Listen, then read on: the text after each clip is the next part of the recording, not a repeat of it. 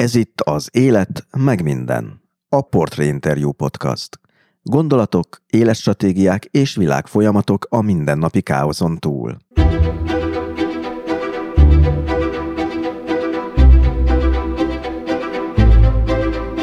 Volt egy nő fogságban, és volt egy dokumentumfilm rendező, aki ráakadt történetére. Innentől kezdve szolgaság és szabadság kettőjük kalandja lett. Több minden volt, az egyik az, hogy megszerettem őt, a másik az, hogy felelősséget éreztem iránta, tehát hogy nem piszkáltok meg valamit, aztán ott hagyom azért, mert ú, ezt mégse vállalom be. Illetve hát akartam csinálni egy filmet. Tuzoritter Bernadett el is készítette filmjét. Másfél évig teljesen egyedül forgatott a házban, ahol évek óta ingyen dolgoztatták Marist, akinek végül sikerült megszöknie. Van ez az ember, akinek tíz éve mindig megmondják, hogy mit csináljon, és neki saját magában kell megerősödni annyira, hogy ezt a döntést meg tudja hozni, mert az is egy fontos kérdés, hogy utána szabad tud-e maradni. A film valóságos világsiker lett. Nézők százmillióihoz és magas rangú döntéshozókhoz jutott el. Azért, mert a rendezőnek volt ereje megcsinálni, a főhősnek pedig volt ereje végigcsinálni ezt a történetet. Emberek még attól is félnek, hogy munkahelyet váltsanak. Tehát, hogy vagy kilépjenek egy rossz kapcsolatból. Hogyha most belegondolsz abba, hogy valakit bántalmaznak, elveszik az összes pénzét, minden méltóságától megfosztják, nem lehet munkahely, mert ugye ott is megtalálnak, nem lehet hova menni aludni, nincsen egy ember az életem, és az egész életét meg kell változtatni egyik pillanatra a másikra, hát azért én kíváncsi lennék, hogy hányan képesek erre, hogy ezt végigcsinálják.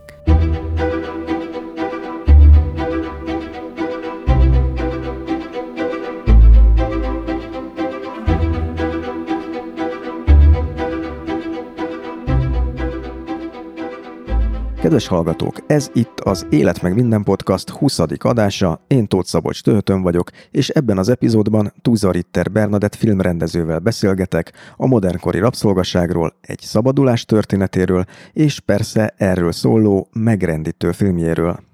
És ahogy ezt minden adásban elmondom, a műsor egyes epizódjaihoz linkeket, jegyzeteket, valamint további információkat is találhattok az Élet meg minden weboldalán, amelynek címe az életmegminden.hu természetesen ékezetek nélkül. A podcast megtalálható az iTunes-on is, ha itt iratkoztok fel rá, kérlek ne felejtsétek el értékelni, ez nagy segítség abban, hogy mások is ráakadjanak a műsorra. Persze a podcast ott van a Spotify-on is, csak keresetek rá az alkalmazásban arra, hogy az élet meg minden. A podcastnak van egy igen hasznos hírlevele is, a Stósz. Azoknak, akik a honlapon feliratkoznak rá, két hetente hírlevelet küldök. Benne azokat a dolgokat szedem össze, amelyekre éppen ráakadtam és rákattantam. Cikkeket, könyveket, filmeket ajánlok. Tehát iratkozz fel a Stószra a honlapon, amelynek címe az életmegminden.hu.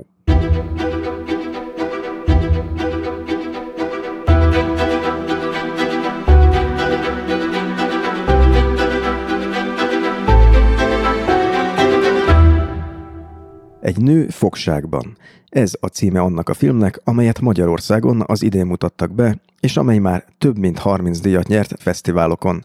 A film tehát kirobbanó siker. A rendező az 1981-ben született Tuza Ritter Bernadett kamaszkora óta arról álmodott, hogy saját egész estés filmet készít majd. 20 évet várt erre, de nem tétlenül. Az elmúlt másfél évtizedben sok-sok film stáblistáján tűnt fel a neve, és számos ismert alkotást már vágóként jegyez. Pár éve dokumentumfilmrendező mesterképzésre jelentkezett, Maris történetét 5 perces felvételi filmnek szánta aztán másfél órás műsoridő, másfél évnyi forgatás, és világsiker lett belőle.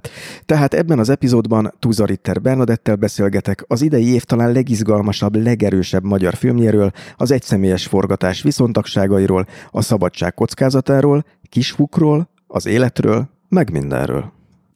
Kedves Bernadett, köszöntelek a műsorban. Nagyon örülök, hogy eljöttél. A film apropóján látlak itt vendégül. És hát az a helyzet, hogy nem nagyon lehet látni pár hónappal a magyar bemutató után a magyar mozikban, és ezért attól tartok, hogy az elején kell kezdenünk, mert nagyon sok ember a hallgatók közül nem látta. Tehát egy nő fogságban Ki ez a nő, és hogy kell érteni azt, hogy fogságban? Igen, köszönöm szépen a megkeresést, és üdvözlöm a hallgatókat. Ez, ez ugye egy dokumentumfilm, ami egy olyan nőről szól, aki tíz évig élt csicska sorban, egy családnál, amikor én találkoztam vele, volt lehetőségem ott elkezdeni forgatni, anélkül, hogy én tudtam volna, hogy mi is történik vele az elején, és aztán a forgatás alatt ő úgy döntött, hogy ebből ő meg akar szökni. Ezen az úton követtem én őt végig, ami a szabadságba vezeti vissza. Aki megnézi a filmet, de a pár mondat, amit itt mondtál, az alapján is rögtön fölmerül a kérdés, hogy jó, de hogy lehet egy ilyen nőre bukkanni? Ez hogy történt? Hát teljesen véletlenül, és én nem is a témára bukkantam, hanem igazából az ő arcára. Tehát egy véletlen folytán találkoztam vele és a családdal, akiknél ő lakott, és aztán nem is felejtettem, mert láttam ezt az aláfölé rendeltségi viszonyt, de én azt hittem, hogy ő ott egy fizetett alkalmazott.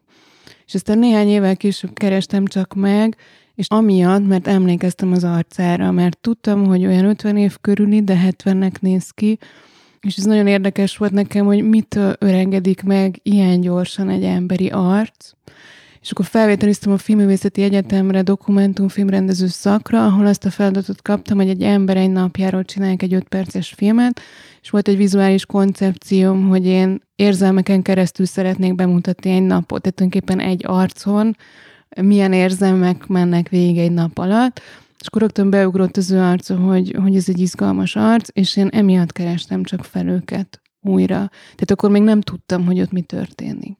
Tehát ő a filmben a Maris néven szereplő, tulajdonképpen az egyetlen ember, akinek az arcát látjuk, ha jól emlékszem. Így van, hát a szökés után már látjuk a másnak is az arcát, ugye a lányának az arcát, de egészen addig csak az övét. A másik kérdés, ami azonnal felmerül az emberben, hogy ugye itt egy olyan helyzetről beszélünk, amelyet később hát rabszolgaságként apostrofált a sajtó is, te is. Ez mondtad, hogy az elején nem volt nyilvánvaló. Mikor tudatosult benned, hogy, hogy, hogy itt valami egészen furcsa dologról van szó? Hát az, hogy furcsa dologról van szó, az fokozatosan derült ki lépésről lépésre. Már a második vagy harmadik napon mondta nekem, hogy ő nem kap pénzt a munkájáért, illetve emellett elküldik egy gyárba is dolgozni, és azt a fizetését is le kell adnia.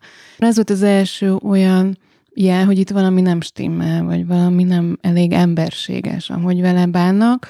És aztán ugye, ahogy tovább forgattam, tudtam meg egyre több mindent, hogy őt bántalmazzák, hogy ő nem járkálhat ki szabadon a házból, hiába van nyitva az ajtó, hogy ő nem találkozott a lányával, amikor csak akar.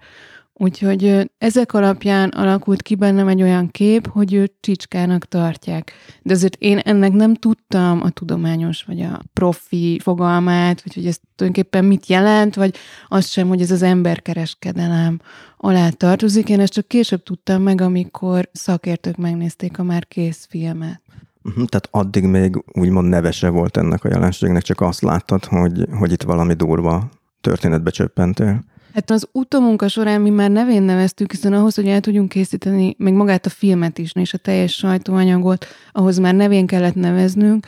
Ez egyébként egy workshop alatt történt, amikor erről konkrétan el kellett kezdenünk beszélni, és ott egy nagyon komoly vitát váltott ki, hogy ez, ez nem modernkori rabszolgaság, ezt mondták a többiek és mi pedig a producereimmel azt mondtuk, hogy ez az. És itt hónapokig tartó vita volt el körül. Én akkor ismertem föl, hogy, hogy ez az, csak nincs belerakva még a filmbe. Tehát, hogy tulajdonképpen az akkori vágottnak a hiányosságait ismertem fel ezáltal, de ahhoz végig ragaszkodtam, hogy ez a modernkori rabszolgaság. Az, hogy ez modernkori rabszolgaság, uh, nyilván ahhoz kellenek hogy legalább egy rabszolgatartó, és a filmben meg is jelenik valaki, akit etának hívnak, akinek nem látjuk az arcát. És ugye erre a kérdésre akartam kiukadni, ami rögtön felmerül a nézőben, hogy, hogy jó, jó, de miért enged be téged a valaki, aki ilyen körülmények között tart, és hogy filmből kiderül nem is egy embert, hanem több ilyen csicskája, rabszolgája is van. Mi vezette őt arra, hogy, hogy neked ezt lehetővé tegye, hogy ott forgass? Egyrészt ő máshogy látta a dolgokat, mint én. Ugye ez a filmből is kiderül, hogy ő nem érezte azt, hogy ezzel probléma lenne. Ő úgy gondolta, hogy mivel ő szállást és ételt ad nekik, meg cigarettát, ez egyenértékű azzal, hogy ők dolgoznak és leadják a fizetésüket. Másrészt én az elején erről semmit nem tudtam, és ő, és ő tudta, hogy én erről semmit nem tudok, csak az iskolának akartam csinálni valamit, és aztán később, amikor mondtam, hogy ez egy komolyabb film, és lehet, hogy kinövi magát, én akkor sem mondtam el azokat a titkokat, amiket a Maris elmondott, tehát valójában ő a film igazi tartalmát, vagy a forgatott anyag igazi tartalmát nem ismerte. Illetve egy idő után pénzt is kértek azért, hogy én ott lehessek. Én ezt normálisnak tartottam egyébként, hiszen miért lenne érdeke engem évekig megtűrni a házban és akkor fizettem valamennyi pénzt, akkor már tudtam, hogy a Maris meg akar szökni, tehát tulajdonképpen ez volt az egyetlen esélyem, hogy a közelébe maradjak.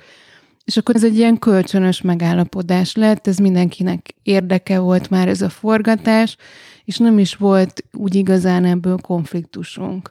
Illetve, tehát hogy tényleg nem gondolta, hogy ez alapvetően probléma, de én meg nem is csináltam ott úgy, hogy látszódjon rajtam, hogy nekem ezzel problémám van, Nyilván néhány helyzetben kifejeztem a nem tetszésemet, de azért nagyon visszafogottan viselkedtem. Mennyi ideig is tartott ez a forgatás? A házban másfél évig forgattam, és akkor utána még egy évig. Milyen emberek ezek a, az etájék, akik, akik ezeket a szolgákat tartották, vagy tartotta, nem tudom, hogy egy vagy több emberről van szó. Ő jelenik meg leginkább a filmben. Több emberről is volt szó, de úgy tudom, hogy most már nincs ott senki. Én róluk korlátozottan beszélek csak, mert ez a megállapodás része volt, hogy róluk nem mondok annál többet, mint ami a filmből is kiderül. Én igyekeztem őket objektíven bemutatni, tehát soha nem mondok véleményt arról, hogy mi helyes és mi nem. Mindkét felet meghallgattam, és igyekeztem ezt a filmbe is belefoglalni. De egyébként átlagos embereknek tartottam őket, tehát azt gondoltam, hogy bizonyos körülmények hatására sokan tudnak így viselkedni.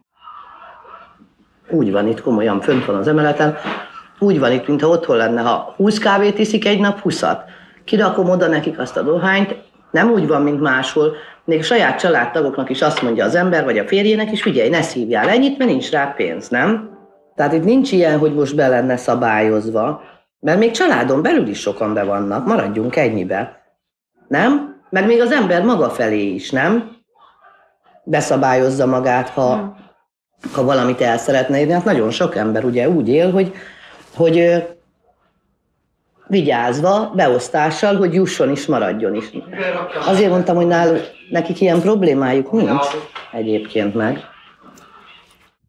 Ti kötöttetek valami megállapodást, hogy, ami tisztázta azt, hogy mit lehet és mit nem a filmben?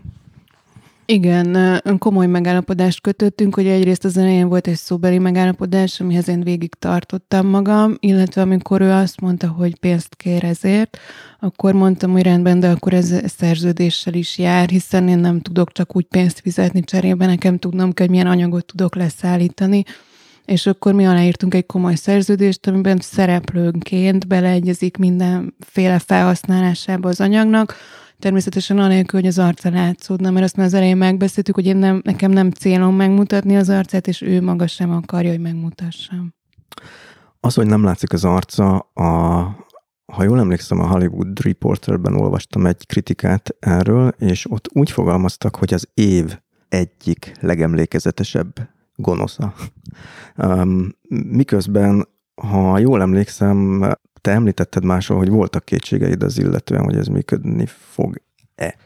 Hát természetesen voltak kétségeim, de úgy igazán nem voltak. Tehát a körülöttem lévő embereknek sokkal komolyabb kétségei voltak, hogy ez fog-e működni. Az az igazság, hogy én nagyon élveztem ezt a kísérletezést. Tehát élveztem, hogy kockáztatok, hogy valami olyan filmnyelvet próbálgatok, ami nem megszokott. És ez sokkal jobban érdekelt annál, mint hogy biztosra menjek, és klasszikus módon dolgozzak fel egy filmet. Úgyhogy én soha nem is akartam fölvenni az arcát. Voltak tanácsadók, akik azt mondták, hogy mindenképpen forgassam, legfeljebb majd később nem használom, de én úgy gondoltam, hogy nekem fontos, hogy a fókusz az megmaradjon a fejemben, tehát hogy felesleges anyagot nem is akarok látni a muszterbe, és egyébként én végig azt éreztem, hogy ez jól működik. Tehát engem végig izgatott a keze, a hangja, és aztán szerencsére ez az, a végén ki is derült, hogy ez egy jó koncepció volt. Egyébként a, a példának a, a Vukkot tekintettem, ahol ugye a, a sima bőrűnek soha nem látjuk az arcát, és tök jól működik a karaktere. Ez így a, akkor felismerült benned, hogy az ott működik, akkor itt is működnie kell? Igen, sőt, megnéztem a filmet, elemeztem, screenshotokat készítettem, összehasonlítottam a saját snitjeimet, tehát, hogy voltak azért a forgatás alatt olyan alkotói folyamatok, amiket én tudatosan készítettem elő. Az én személyes benyomásom az volt egyébként, hogy, hogy nem is tudok elképzelni olyat, hogy ennél erősebben működhetne valami, hiszen hiszen a kéz az, ami utasításokat ad, ami egy hatalmi pozíciót jelöl, úgyhogy egyet tudok érteni az amerikai kritikával, hogy talán tényleg az év villan gonosz uh, karaktere, és etáig végig nem sejtették akkor, hogy ez, hogy ez egy egészen más filmé vált közben, mint egy iskolai dolgozat. De azt tudták, hogy egy nagyobb munkává vált, de azt, hogy ez pontosan mivé tevődik össze, azt nem tudták, de ugye ezért ezt nagyon nehéz elképzelni. Ezt sokan még a körülöttem lévő emberek se tudták elképzelni, nem, hogy az, akinek nincsen ilyen típusú filmes tapasztalata. Ha filmes tapasztalatról beszélsz, akkor ugye említetted, hogy jelentkeztél a a filmművészetére rendező szakra, a dokumentumfilm rendező? Dokumentumfilm rendező. Ez egy külön szak a, az egyetemen. Igen, egy mesterképzés. Viszont neked azért elég hosszú és gazdag szakmai múltad van a filmnél, nem rendezőként. Erről tudnánk egy kicsit beszélni, hogy, hogy a hallgatók értsék, hogy azért nem a semmiből érkeztél ebbe a dologba. Én amikor jelentkeztem a rendezőszakra, akkor előtte már vágóként dolgoztam, elég keresett vágó voltam, Végeztem is a filmművészeti vágó alapszakon 2009-ben, és aztán utána elkezdtem a szakmában dolgozni, illetve sokat dolgoztam skriptesként, aki a kapcsolódásokért felelős a forgatáson, de lényegében ez úgy néz ki, hogy egyfolytában rendező mellett ül, megbeszélnek dolgokat, odafigyel mindenre, hogy ne legyen hiba, tehát tulajdonképpen én kiváló rendezők mellett tanultam azt, hogy hogyan kell forgatni, hogyan kell plánozni, mit hogyan kell csinálni ahhoz, hogy hatásokat érjünk el, és kiváló operatőrök mellett. Tehát az a sok éves megfigyelés, amit a munkám során megtehettem, az segített hozzához, hogy mire felvételiztem rendezőszakra, akkor nekem már volt egy kialakult látásmódom, tudásom és elképzelésem arról, hogyha én filmet rendezhetek, akkor azt hogy szeretném megcsinálni. A skriptelés, azt nem biztos, hogy a hallgatók értik, hogy az, az tulajdonképpen micsoda. A skriptes tulajdonképpen a kapcsolódásokért felelős a filmben, ami azt jelenti, hogy minden létező hibát megpróbál elkerülni, minden részlegre oda kell, hogy figyeljen, ez egy nagyon nehéz munka, mert iszonyatos koncentrációt igényel, kívülről úgy tűnik, mintha semmit nem csinálnánk, csak fényképeznénk, de igazából minden hibát, legyen ez akár dialógusban, akár mozdulatban, akár plánozásban, azt próbálunk kiküszöbölni. Tehát, hogy csak hogy értsem, hogy arról van szó, hogy mondjuk van egy dialógus a filmben, és neked kell odafigyelni arra, hogyha az egyik jelenetben balra néz a szereplő, akkor ne kerüljön át úgy a jobb oldalra, hogy az értelmezhetetlen, a következő jelenetben, hogy az értelmezhetetlenné teszi a jelenetet. Igen, hát, hogy jó irányba nézzen, annál a szónál pont úgy emelje a kezét, amikor egy másik irányból vesszük fel, az inge pont úgy legyen begombolva, és közben a háttérben a díszlet pont ugyanolyan legyen. Tehát, hogy itt rettenetesen sok része van ennek, nagyon összetett munka, de valóban azért felelős, hogy aztán később a vágási folyamatok során minden stimmeljen. És ez nekem egy rettenetesen nagy segítség volt. Ez a két, tehát a vágás és a script nagyon nagy segítség volt a saját filmem forgatása során, mert tudtam, hogy hogy kell úgy forgatnom, hogy aztán ez később egy használható anyag legyen. Mert hogy később vagy közben ugye nem csak skriptesként dolgoztál, hanem elég komoly projektekben, vágóként is. Igen, vágtam néhány játékfilmet, dokumentumfilmet, elég sok kisfilmet, én nagyon, nagyon szeretem mai napig a vágómunkát, és rengeteget tanultam belőle. Nagyon inspiratív volt nekem más rendezőkkel együtt dolgozni, úgyhogy azt a mai napig próbálom megtartani, hogyha időm engedi. Csak hogy a hallgatók is értsék, hogy tényleg nagy volumenű alkotásoknál is van is részt vettél. Itt a sorozatok közül a terápiát írtam fel, akkor volt egy ilyen, hogy Haction, ez egy talán egy külföldi sorozat tévésorozat volt, magyar sorozat volt ez? Aha. Mhm. A sorozatokat nem követtem annyira, megmondom őszintén. Valami Amerika 2 Delta, Mundrucó Kornél filmje, Rázbudi Minya, ennek magyarul nem találtam a címét, és az volt odaírva az adatbázisban, hogy ez egy bűnügyi dráma. Hogy te kimentél Oroszországba vágni egy orosz filmet? Igen, azt hiszem az angol címe Wake Me Up volt. Én több orosz filmet vágtam egyébként, teljesen véletlen, nem tudok oroszul, csak megismerkedtem producerekkel és rendezőkkel, és akkor én is megpályáztam orosz játékfilmvágást. És meg is kaptam az első filmet, az még egy korábbi film volt, és ez már annak a hozadéka volt. És nagyon érdekes volt, én szerettem kint dolgozni nagyon. Tehát akkor tényleg kimentél Moszkvába, és ott vágtál? Igen, az egyik filmet itt vágtuk Magyarországon, a második filmet, amit említettél, azt kint vágtuk Moszkvában, én arra néhány hónapra kiköltöztem. Az oroszok egyébként nagyon másként dolgoznak, mint mondjuk a nyugatiak. Neked van most már rálátásod, mert részt vettél nemzetközi produkciókban. Hát nagyon nem mondanám, egy kicsit azért máshogy, de azért a, a filmszakma elég nemzetközi, bárhova is megyünk, tehát közös nyelvet beszélünk, de azért azt látom, hogy, hogy itthon vagy nyugaton azért precízebb a munka, csomó minden nem megengedett itt, ami ott igen. Nagy vonalúbbak az orosz kollégák sokszor. Nagyon alubak, meg azzal tapasztalatom, hogy míg itthon minden engedélyekhez kötött, ott elég oda menni, egy kis pénzt adni, és akkor már el van intézve. Mondjuk egy helyszínen, hogyha helyszínen akarsz forgatni. Igen, igen, és amikor én csináltam az orosz kisfilmemet, amit rendeztem, akkor így utaztuk végig az egész országot, hogy volt elég pénz a producereknél, és így tudták elintézni, amit kértünk. Ha nem említettem volna ezt az előző filmet, ugye ez volt, ami egy Transzibériai Expressen játszódott, és ott egy kalauznőt szintén az arcáról forgattál meg az élettörténetéről. Mi volt ennek a címe? Még egyszer csak, hogyha valaki ezt fel akarja kutatni az interneten. Hát, hát magyarul a Ludmilla utazásaként fordítottuk, egy-két fesztiválon szerepelt itthon a film, de egyébként angolul Just the Way It Is. És ez volt szinte az előképe ennek a Marisról szóló történetnek, mert ott is azt hiszem egy arc volt végig nagyon fókuszban. Legalábbis nekem ez volt az érzés, amikor megnéztem, hogy itt már, minthogyha ez, a, ez az arc iránti érdeklődés benned volt. Ez lehet, de én ezzel nem gondolkoztam. Akkor ez, ez, ez, ez tipikusan az a kritikusi hajlam, amikor azt mondja majd az író, hogy gondolta a fene. Viszont ami miatt érdekes ez a dolog, az az, hogy eh, amit magaddal hoztál ebbe a filmbe, és korábbi interjúkban említetted, hogy, hogy neked nagyon erősen játékfilmes technikák körül forgott a koncepciót, hogy ez mit jelentett? Hogy hogy képzeljünk el egy, hát jó, aki megnézi, az látja, de hogy a te agyadban hogy működött ez, hogy te játékfilmes technikákkal szerettél volna dokumentumfilmet forgatni?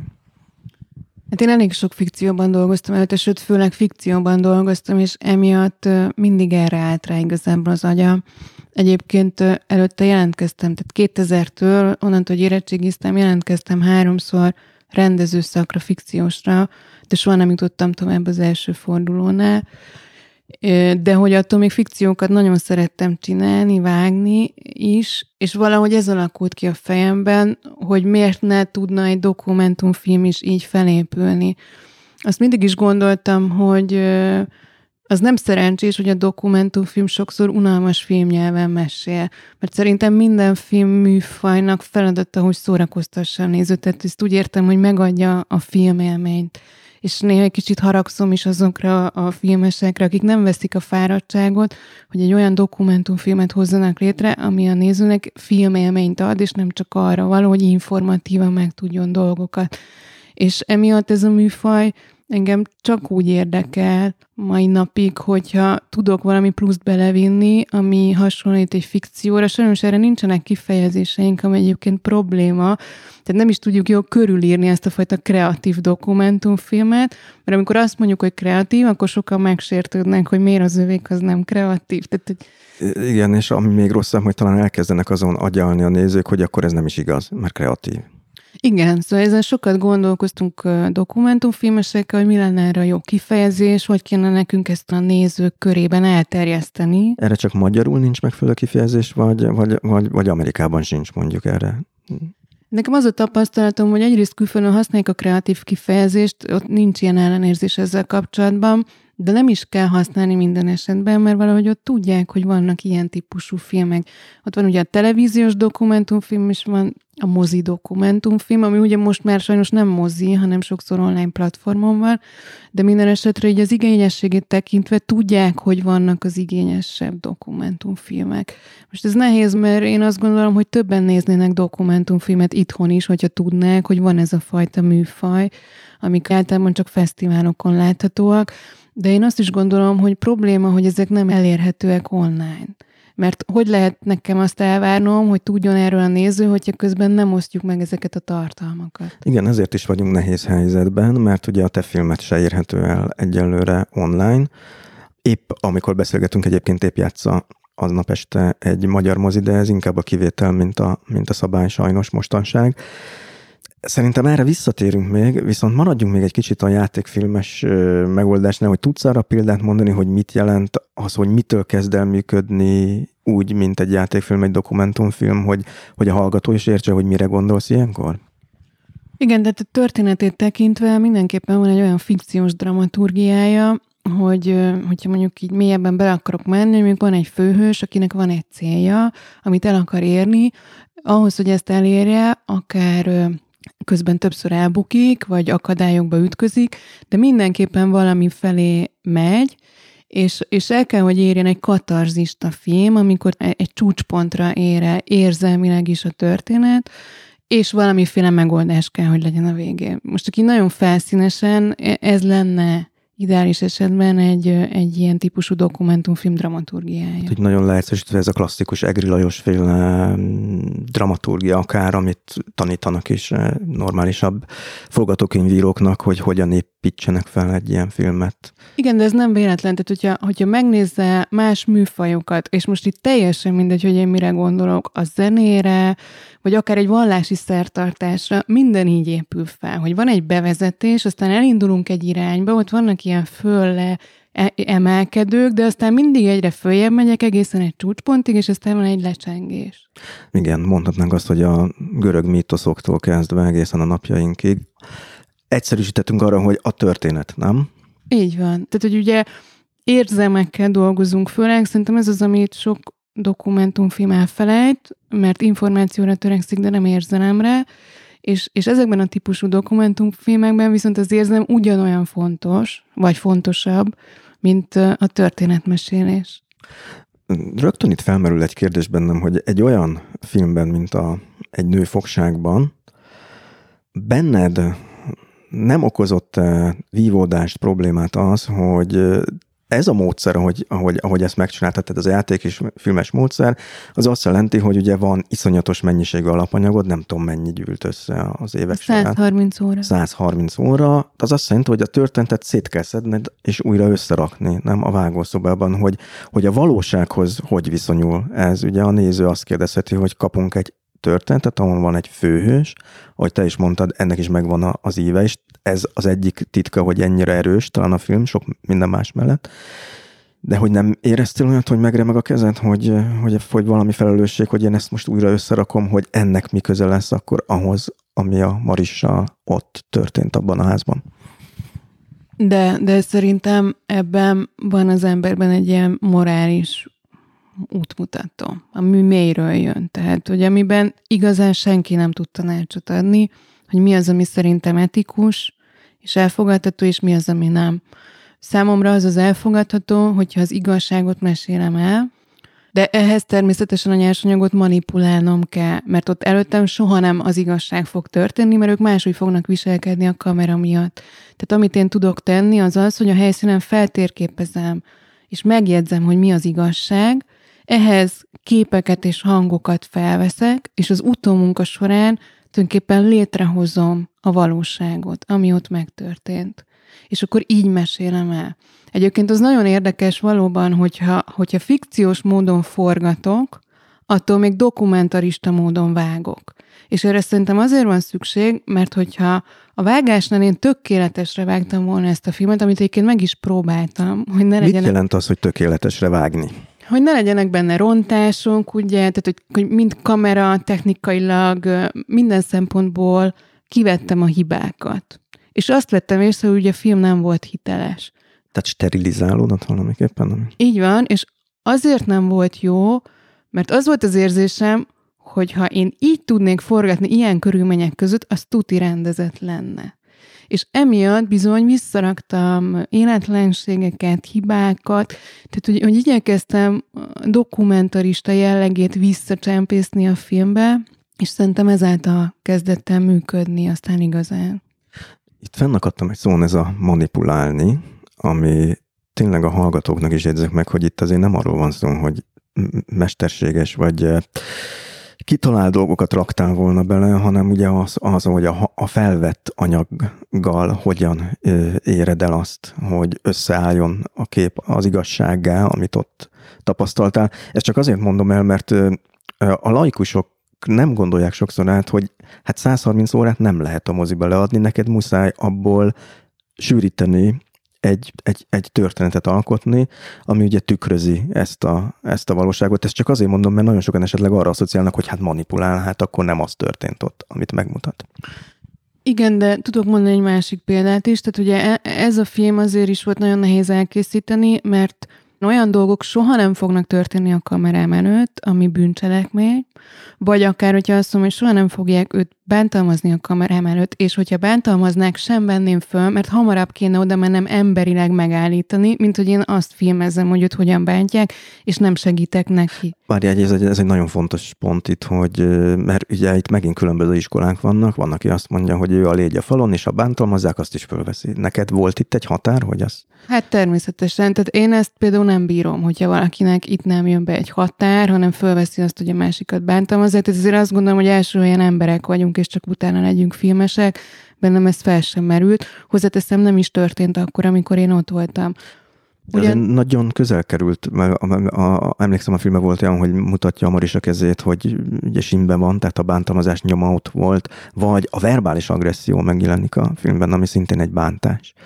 Így van, és ugye pont amiatt, hogy előttem ez nem, nem is történhet meg, emiatt az utómunkában nekem mégiscsak létre kell hoznom, mert valahogy a nézőben tudatosítanom kell, hogy azért itt bántalmazás is történik. Én kevésnek tartom erről beszélni és kiírni, mert az egy információ, de nem egy érzelmi hatás. Emiatt van is ilyen rész a filmben, hogy hangban felvettem, hogy valakit ütnek, vagy valami ütés hangokat használtam, aláraktam egy másik kép alá, és ezáltal az az érzése van a nézőnek néha, hogyha megnézi a filmet, hogy ő valóban bántalmazásnak volt tanúja. És ezt ezért tartom fontosnak, mert ezáltal meg is éli, sokkolja, és amikor megnézi a filmet, akkor valamit tenni akar, hogy ez ne így történjen. A, ugyanakkor elég a, a verbális része is elég erős a filmnek. Több olyan jelenet is eszembe jut hirtelen, de nem akarom végigbeszélni a filmet, mert ugye az lenne a cél, hogy mindenki nézze meg.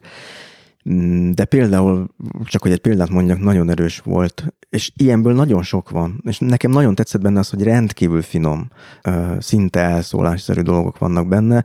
Például van egy ilyen benne, amikor a Maris megkérdezi tőled, hogy felállhatok el, nem baj, hogyha, mert most veszel, és megkérdezi, hogy most akkor azt csinálok, amit tényleg, tényleg szabad azt csinálnom, amit akarok, nem idézem pontosan, de hogy rögtön kapott egy olyan, olyan értelmezést ez az egyszerű kiszólás, ami, ami szinte metafizikai síkra emelt ezt az egészet, hogy itt a szabadságról van szó.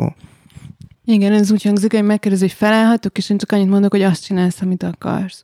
Ez nekem fontos volt, ezek az apró mondatok, ezek tudatosak voltak, mert én soha nem akartam megmondani, hogy ő mit csináljon, de azt mindig jelezni akartam, hogy ő egy szabad ember. Csak beleszokott ebbe a helyzetbe. Hány éve volt ott, amikor ott eh, elkezdte forgatni? Hát talán 9-8 és fél, mert 10 éve volt, amikor megszökött. És Azért nem akartam neki megmondani, hogy mit csináljon, mert azt gondoltam, hogy itt van ez az ember, akinek tíz éve mindig megmondják, hogy mit csináljon, és neki saját magában kell megerősödni annyira, hogy ezt a döntést meg tudja hozni, mert az is egy fontos kérdés, hogy utána szabad tud-e maradni, hiszen ő elszokott a döntéshelyzetektől.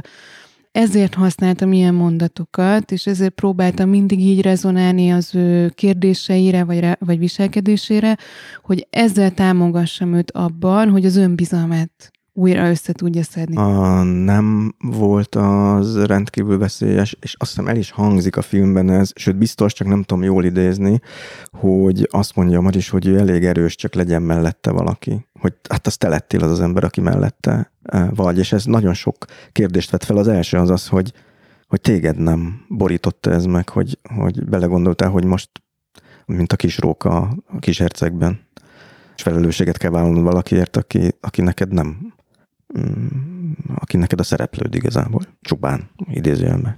Igen, ez nem volt könnyű. Én nagyon sokszor abba is akartam hagyni a forgatást. Volt egy időszak, amikor csak emiatt mentem vissza, mert úgy éreztem, hogy én most már felelősséggel tartozom, hogy nem hagyhatom őt itt, vagy hogy tovább kell kísérnem ezen az úton, lesz, ami lesz. Aztán Ugye ott voltam mellette folyamatosan, de ez leginkább a szökés alatt éreződött ki ez a helyzet, amikor tényleg nem volt hova menni. Tehát amikor ott ültünk a kocsiban, pénz az már elfogyott, és nem volt semmilyen opció arra, hogy akkor ma hol aludjunk, hogyan tovább. Tehát Mar is eldöntötte, hogy megy, elhagyta a házat, ezt csak azoknak mondom, hogy össze tudják nakni, akik nem látták még a filmet, és, és ott, ott volt a semmiben. És te voltál az egyetlen kapcsolat, aki, aki, akire Igen. számíthatott. Igen, és hát ugye tudtam, hogy az utcán nem hagyhatom on, tehát hogy nem tehetem meg azt, hogy akkor én innen lelépek. Nem is akartam persze, és ott volt egy, egy ilyen komoly érzelmi válság, amiben belekerültem, amit ő is észlelt, hogy én hirtelen itt összeomlok, miközben évek óta én vagyok, hogy itt a stabil támasz, és akkor szerencsére ennek hatására összeszedte magát, és hozott egy döntést, hogy akkor bemegy egy hajléktalan szállóba, de, hogy, de bizony nagyon sok ilyen része volt, és amikor elkészült a film, és megtörtént a premier, még utána is, ugye azért ez engem tovább kísért, tehát, hogy ez azért nem így működik, hogy akkor egyik napról a másikra végeztünk, lesz, ami lesz, hanem felelősséggel tartozom sokáig, és ez a felelősség sajnos nem pont ugyanúgy értelmezzük, a szereplő és az alkotó, mert én tudom, hogy mit jelent a filmkészítés, ő viszont nem tudja. Nektek volt is a bemutató után konfliktusotok ebből? Hát később volt, pont emiatt az elvárás miatt, hogy én mennyire fogom az ő kezét, és mennyire feladatom fogni az ő kezét a jövőben. Na csak, hogy értse a hallgató is, hogy ez miért akkora felelősségteher, mert hogy arról nem beszéltünk még, hogy ezt a filmet te teljesen egyedül készítetted. Pontosabban a, a forgatást ezt teljesen egyedül csináltam végig, és akkor miután a szökés megtörtént, állapodtam meg producerekkel, hogy akkor sikerült elkezdeni finanszírozni a filmet, pályázni ide-oda, de azért ez az emberi felelősség elsősorban engem terhelt. Tehát bármennyire is szerettem volna ezt megosztani, mivel ez a kettőnk története volt, és a kettőnk kalandja volt, hogy úgy mondjam, ezért tulajdonképpen ez leginkább engem érint miközben forgattad, nem is próbáltál szakmai támogatást kapni, hogy te hogy csináld. Tehát végül is még az iskolai feladatból nőtt ki, tehát te ezt ott elkezdted tanulni, és, és hirtelen belekerültél egy ilyen dologba, ami kinőtte, túl nőtte magát azon, amit terveztél. De próbáltam, mert közben is beszéltem producerekkel egyébként, meg, meg próbáltam volna valamiféle támogatást találni. Néhány embernek megmutattam a Musterből anyagot, pont azért, amikor kicsit elbizonyított, hogy mit gondolnak, hogy véleményezzék, de azt vettem észre, hogy eltántorítanak attól, amivel én épp kísérletezem. Tehát volt olyan vélemény, hogy a Maris arca nem elég izgalmas, hogy másfél órán keresztül lássuk, úgyhogy muszáj más arcot is megmutatnom. Olyan, aki azt mondta, hogy mindenféleképpen vigyek operatőrt, mert hogy szép legyen képileg. Volt, aki azt mondta, hogy muszáj megmutatnom az ETA arcát, mert ebben bele fogok bukni, hogy én nem mutatom meg azt az arcot. És ez mind olyan dolog volt, amit ugyan én tapasztalatlanabb voltam, mint a tanácsadóim, de ugyanakkor azt gondoltam, hogy ezeken el tud bukni az a koncepció, ami engem rettentesen izgat, hogy a gonosz csak arc nélkül megmutatni, hogy végig a érzelmekre fókuszálni egy arcon, illetve hogyha én oda vinnék egy operatőrt, akkor bizony ez a bizalom, ami, ami kettőnk kapcsolatára épül, az tönkre tud, tud menni teljesen. Úgyhogy nem fogadtam meg ezeket a tanácsokat, és emiatt voltam végig egyedül a forgatás alatt, de ez egyben azért nagy szabadságot is adott. Tehát az igazság, hogy nagyon megkönnyebbültem, amikor úgy döntöttem, hogy egyedül folytatom, mert senkinek nem kell megfelelnem. Mi adott neked erőt ahhoz, hogy ezt a döntést meghozd, hogy mondjuk én most nem tudom, hogy kikkel beszéltél, de biztos, mivel nagyon komoly filmeken dolgoztál, biztos olyan szakemberekkel, akiknek adtál a szavára, hogy ők azt mondták, hogy ez így nem jó, az úgy nem jó. Gondolom, ez legalábbis engem kétségbe ejtett volna az elején. Emlékszel arra a pillanatra, amikor azt mondtad, hogy köszönöm, én mégis úgy csinálom, ahogy én szeretném? Hát én azt hiszem, hogy ez ösztönös volt, mert azon vettem észre magam, hogy egy ilyen megbeszélés után kimegyek a forgatásra, és így görcsösen fogom a kamerát, hogy most olyan ez megfelelne nekik, vagy sem. És ezt lényegében két óra után éreztem, hogy én ezt nem akarom csinálni, és nem is fogom. És szerencsére nem tartoztam elszámolásra senki felé, úgyhogy ez egy belső érzés volt, hogy nem élvezem így csinálni, úgyhogy nem fogom így csinálni. A másik egyedülség ebben a, ez a lelki teher, hogy ezt volt melletted valaki, akivel meg tudtad beszélni, hogy te most ebbe a helyzetbe kerültél, ebbe vagy, uh, mit csináljak?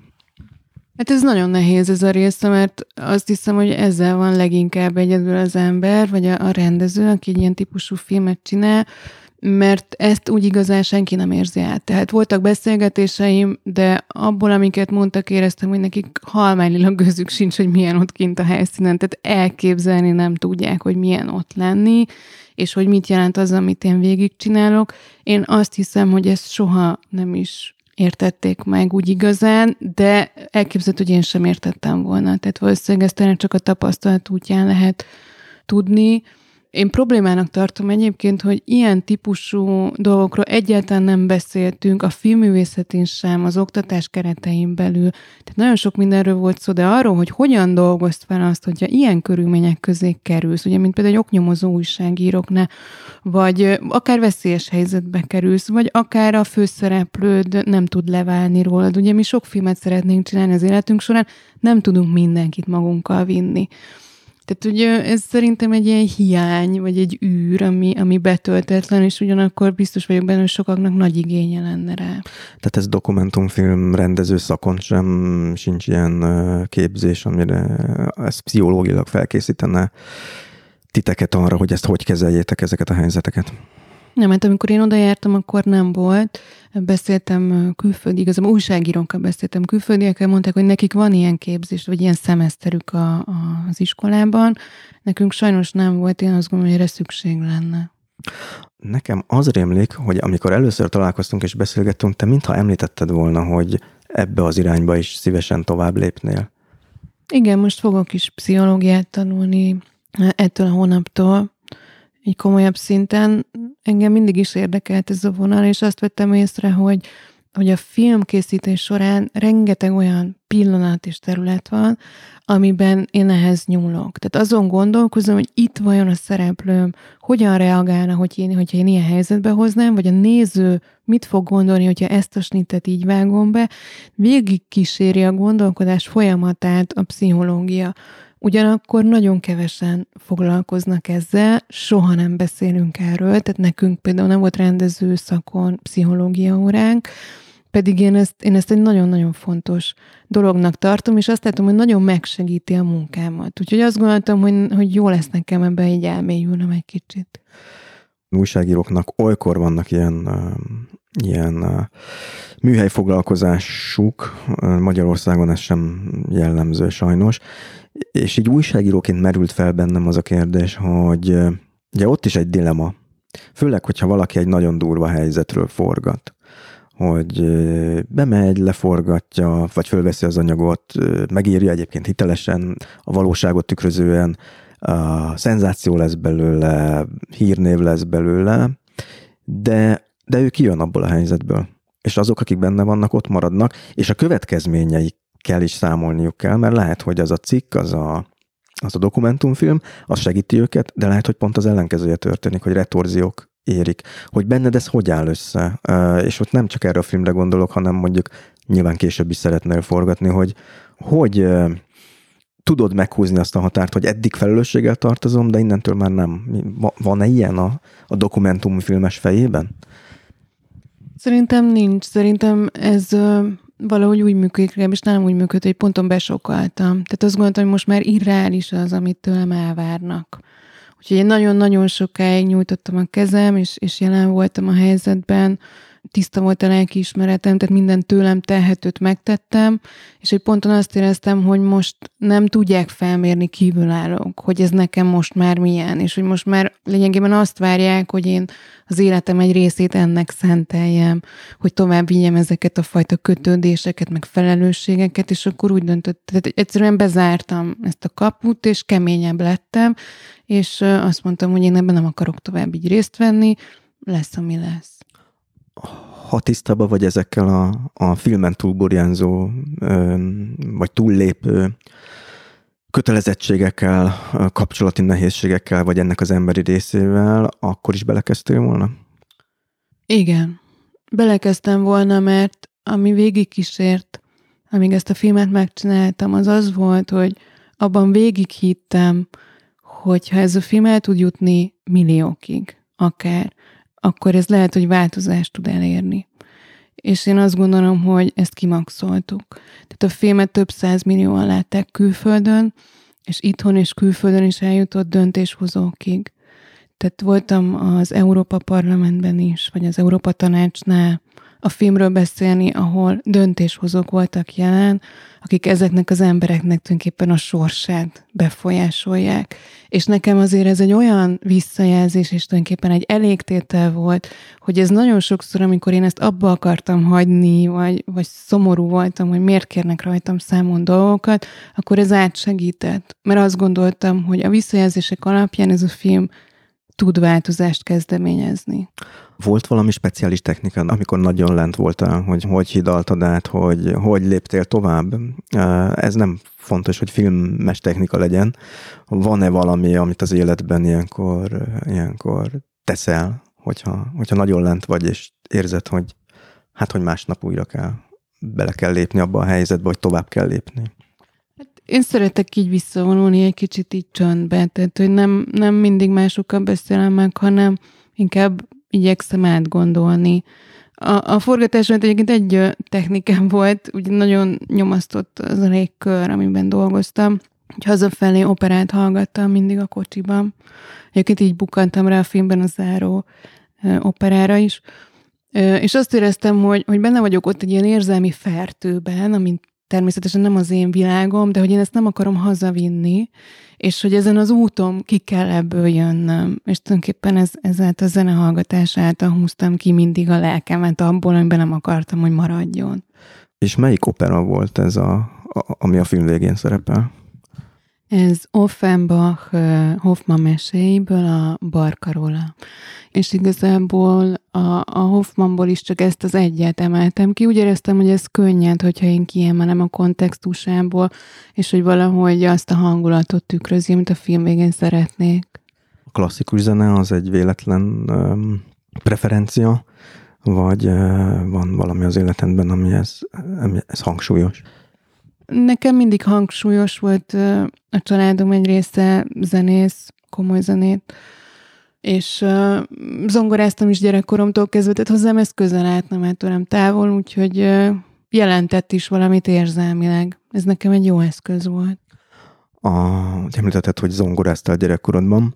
Egy gyerek fejében összeáll az, hogy én mert hogy először ugye vágószakon végeztél, hogy én vágó leszek, vagy filmrendező, ez, ez már egy nagyon korán eldőlt, vagy akkor még zongoraművész volt a, a cél?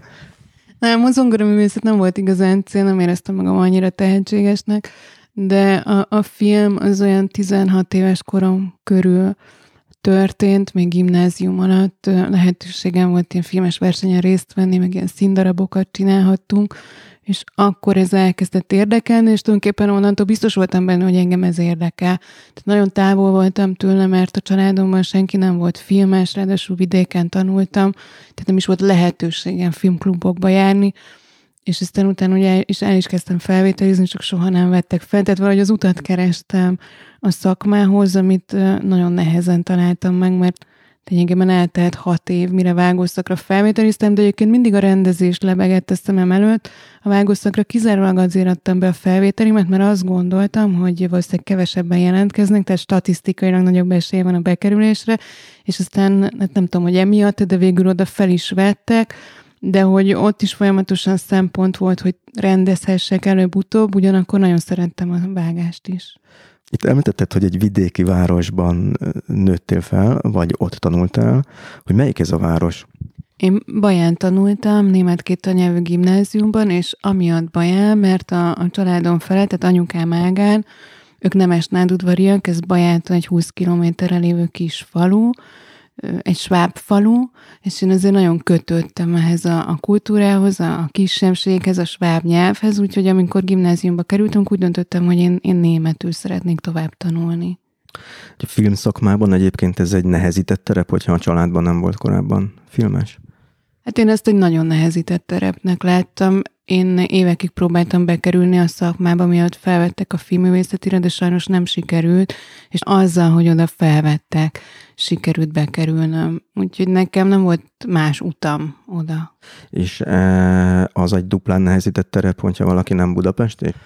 Én alapvetően már egy éves koromtól még mindig Pesten laktam, csak leköltöztem a kollégiumban néhány évre, tehát Aha. én én Pestinek számítottam, ugyan a vidékhez jobban kötődtem, de hogy... Akkor ez most összeállt. Ez még izgalmasabb, hogy te leköltöztél csak azért bajára gimnazistaként, hogy a németet tanulhast ebben a két tannyelvű gimnáziumban. Igen, mert jól éreztem magam abban a közegben. Tehát pont a, a napokban tették fel nekem azt a kérdést, hogy hol vannak a gyökereim, és én kapásból rávágtam, hogy Baja és környékén, miközben apukám Pesti, tehát itt is vannak, meg ott is, de valahogy ahhoz jobban kötöttem mindig is. De azt hiszem nem vált hátrányodra az, hogy ennyi időt eltöltöttél ilyen technikai, vagy a rendezés, rendezők mellett, de egy kicsit más szerepben. Szerintem óriási előnyömre vált. Tehát egyrészt mind látásmódban, tehát rettenetesen sokat tanultam tőlük, másrészt pedig én őszintén szóval azt gondolom, hogy nagyon nehéz lehet annak a rendezőnek, aki dokumentumfilmet csinál, hogyha a helyszínen nem tudja a fejében közben vágni a filmet. Aha, ez egy nagyon érdekes kifejezés, hogy fejben vágni. Az azt jelenti, hogy amikor te kint voltál ott a helyszínen, már rögtön azon forgott az anyag, hogy mi hova fog passzolni? Persze, de ez azért már automatikus is, tehát, hogy annyira sokat dolgoztam addigra, hogy már mindig ez ment a fejemben, hogy akkor ez a snit hova passzol, ez a hang hova passzol. Természetesen ebben rengeteg tévedés van, tehát utólag aztán ki tud derülni, hogy ez mégsem így van, de azért az ember hagyja erre áll rá. Azért is csodálom ezt, mert ugye, ahogy említettem, vagy beszéltünk róla, hogy egyszemélyes stáb voltál, mert hát te pontosan tudod azt, hogy ha a rendező mellett van egy skriptes, aki, aki sokszor te voltál, és odafigyel arra, hogy mi hol van, neked ilyen ember nem volt. Oké, okay, hogy hibákat jól jöttek ki, mert vissza is raktál, mert az élet is olyan, hogy hibák sorozatából áll, talán ez is egy hozzátartozik, de hogy hogy dolgoztál, ha, ha esetleg föl lehetne lebbenteni a, ezt a titkot, hogy mondjuk milyen technológiát használtál? Most tudom, hogy ez egy kicsit hülye kérdésnek, de szerintem sokat érdekelne, hogy hogy, hogy, hogy zajlik egy ilyen, ilyen forgatás, amikor valaki egyedül megy be, hát ahogy az egyik kritika említette is az oroszlán barlangjába feeling, az átjön a filmből is. Hát ez úgy nézett ki, hogy ugye megérkeztem a kamerám, ami egy Canon 6D volt, és megérkeztem a mikroportokkal, és akkor én a nap elején már beportoztam, tehát a mikrofont fölraktam a szerep, szereplőre.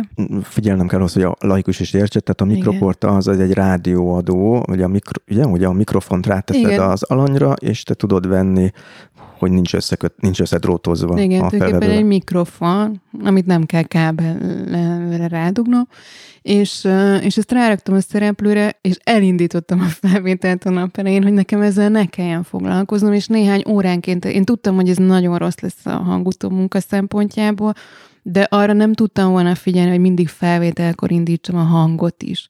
Tehát ez például nekem nehézségem volt, és valóban nehéz volt a hangutó munka, hiszen egyedül vettem fel, nem tudtam folyamatosan ellenőrizni. Másfél évnyi fölvett hanganyagot kellett átbogarásznod ebből a szempontból. Így van, igen, igen. És akkor ugye mellette ugye a képet azt forgatom. Nekem az könnyebbség volt, hogy én vagyok az operatőr, és nem azért, nem, nem értettem az operatőrködéshez. Viszont az, hogy én látom a képet, hogy köztünk csak egy kamera van, hogy nekem nem elképzelnem kell, és én minden egyes mozdulatára, minden lélegzetvételére rögtön tudok reagálni a szereplőnek, képileg, vizuálisan, az nekem nagyon jó volt. És ez annyira hozzá is szoktam, hogy azt vettem észre, hogy, hogy most, hogy operatőrrel forgatok, nekem nagyon nehéz az, hogy, hogy, hogy azok a pillanatok, azok az apróságok meglegyenek, úgyhogy nem én fogom a kamerát, hogy ezt hogyan tudom kommunikálni időben. Lesz egy benned egy ilyen türelmetlenség, hogy úristen, ezt nem úgy látom, ahogy az operatőr, és miért nem úgy látja, hogy én? Hát igen, de ez nem is türelmetlenség, hanem inkább nem, tudom, nem is tudom, ez egy ilyen egymásra hangol. Ugye azokat a pillanatokat elmulasztjuk, hogyha nem, nem tudjuk akkor ott úgy felvenni, és tulajdonképpen én a látásmódomat a képen adom át a nézőnek. Tehát ami ott van a képen, ő azt gondolja, hogy én ezt gondolom. Viszont én lehet, hogy más gondoltam ott a helyszínen, csak azt nem úgy sikerült elkapni. Természetesen ezt a hibát, vagy nem is tudom, minek nevezzem, ezt én is elkövethetem, el is követem sokszor, csak amikor én azt gondolom, hogy ú, most itt kéne valami, de nem az én kezemben van, nekem ehhez sokkal nehezebb hozzászoknom, mint ahhoz, hogy mondjuk ügyetlenül húzom az élességet, vagy nem tudom pontosan milyen blendét használjak. És az nem volt a koncepcióddal ellentétes, hogy a Maris, ugye, aki a fogságban lévő nő. Ő hány éves is volt egyébként? Nem tudom, hogy azt említettük-e a hallgatóknak. 50, 50 volt, pont a születésnapján kezdtem forgatni. Igen, talán mondtad a műsor elején, hogy 70-nek nézett ki, és 50 volt. Tehát, hogy elkezdett hozzád beszélni a, a felvételek alatt, hogy ez mennyire volt koncepciód, vagy mennyire nem volt koncepciód, hogy te részévé váltál ezáltal ennek a történetnek. Ez egyáltalán nem volt koncepció, egyébként amiatt sem, mert ugye mivel fikcióból jöttem, én egy megfigyelő dokumentumfilmet akartam csinálni, amiben nem beszélnek ki a szereplők, nincsen interjú, és meg is mondtam neki az elején, hogy én egy dolgot szeretnék érni, hogy ő ne nézzen a kamerába, és ne beszéljen hozzám. És aztán ez az elején így is volt, de azt vettem észre, hogy ő szeretne kibeszélni hozzám. És akkor én azt gondoltam, hogy nem erőszakolhatom meg azt, hogy, ő, hogy a dolgok úgy menjenek, ahogy ő szeretné, vagy amiben ő kényelmesnek érzi magát, ezért hagytam, és lettem abban valami izgalmas feszültséget is, ahogy ő kibeszél hozzám, tehát hogy úgy lopva, úgy, úgy nem megengedve. És azt gondoltam, hogy ez lehet, hogy a film témájával, vagy ezzel a ezekkel a titkokkal is jól működik együtt ez, hogy ő nem megengedve szól ki a kamera felé, és akkor ezért hagytam.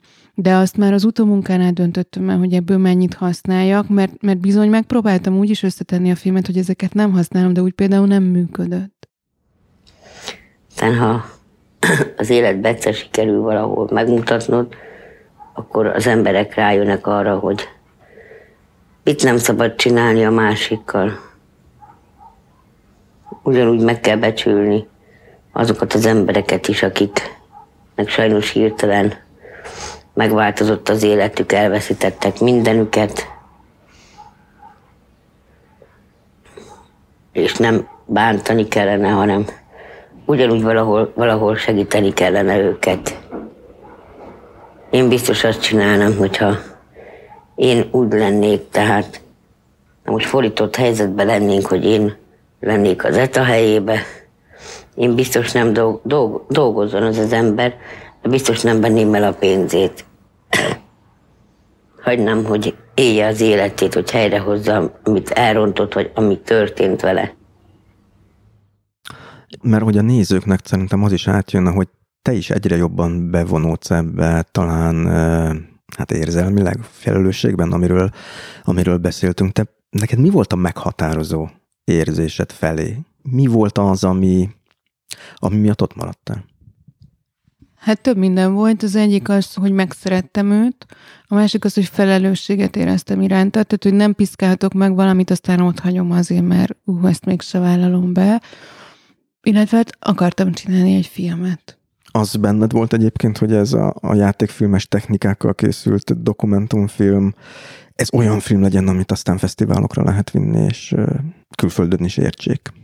Hát egy idő után szempont volt, ugye, tehát amikor ott állsz egyedül a kameráddal egy helyszínen és forgatsz, akkor azért nekem legalábbis nem voltak ilyen nagyra törő álmaim, tehát én abban sem voltam biztos, hogy ezt a nyersanyagot nyilvánosságra fogom hozni. Miért nem voltam benne biztos? Azért, mert láttam a veszélyét. Tehát egyáltalán nem voltam abban biztos, hogy nekem ehhez lesz bátorságom, vagy, vagy hogy én ezt vele megtehetem, tehát ugye ez minden megbeszélések kérdése volt, de hogy egyáltalán ez nyilvánosságra kerül ez az anyag. A veszélyekre, előbb említettél egyet, hogy vele szemben ez veszélyes lehet. vagy jó, jó-e, de milyen, milyen más veszélyekre gondoltál még itt? Hát ezt nem szeretném részletezni, de minden esetre éreztem kockázatát annak, hogy ezt nyilvánosságra hozzuk, ezt az anyagot. Ugye az is nagyon fontos volt, hogy a szakma, mert mint úgy értem, hogy az emberkereskedelemmel foglalkozó szakma mit szól ehhez a filmhez. Tehát, hogy ezt elítélik, ezt az eljárást, amit én csináltam, hogy én nem kiemeltem őt ebből a helyzetből, hanem végig segítettem egy lelki úton, hogy aztán ő hozza meg azt a döntést.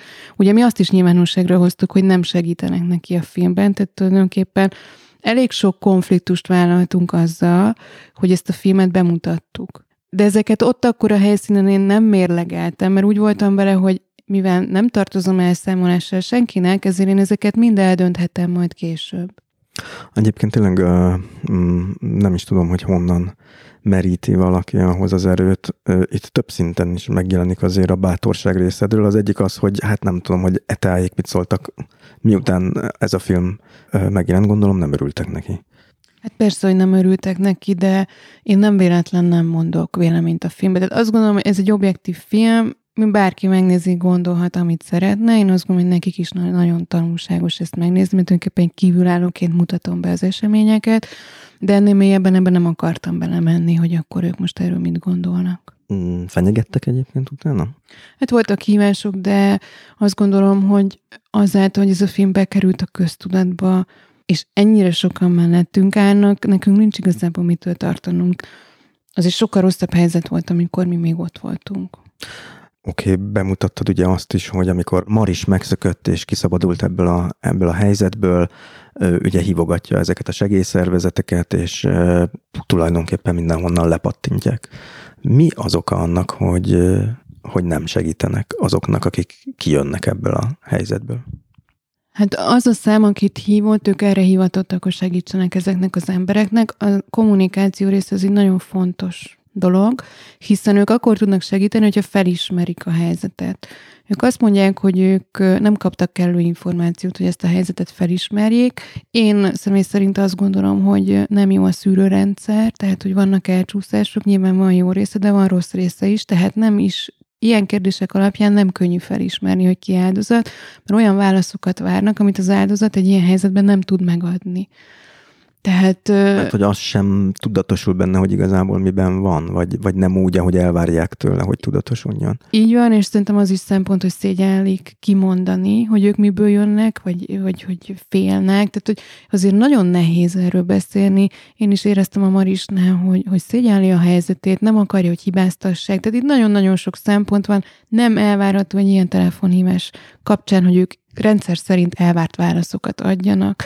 Én azt próbálom mondani mindenhol, hogy az áldozat fejével kell gondolkozni, vagy meg kell próbálni azzal gondolkozni, hogy a megfelelő kérdéseket lehessen feltenni, hogy ez elég érzékeny legyen ahhoz a szituációhoz, amiben ő éppen tud telefonálni.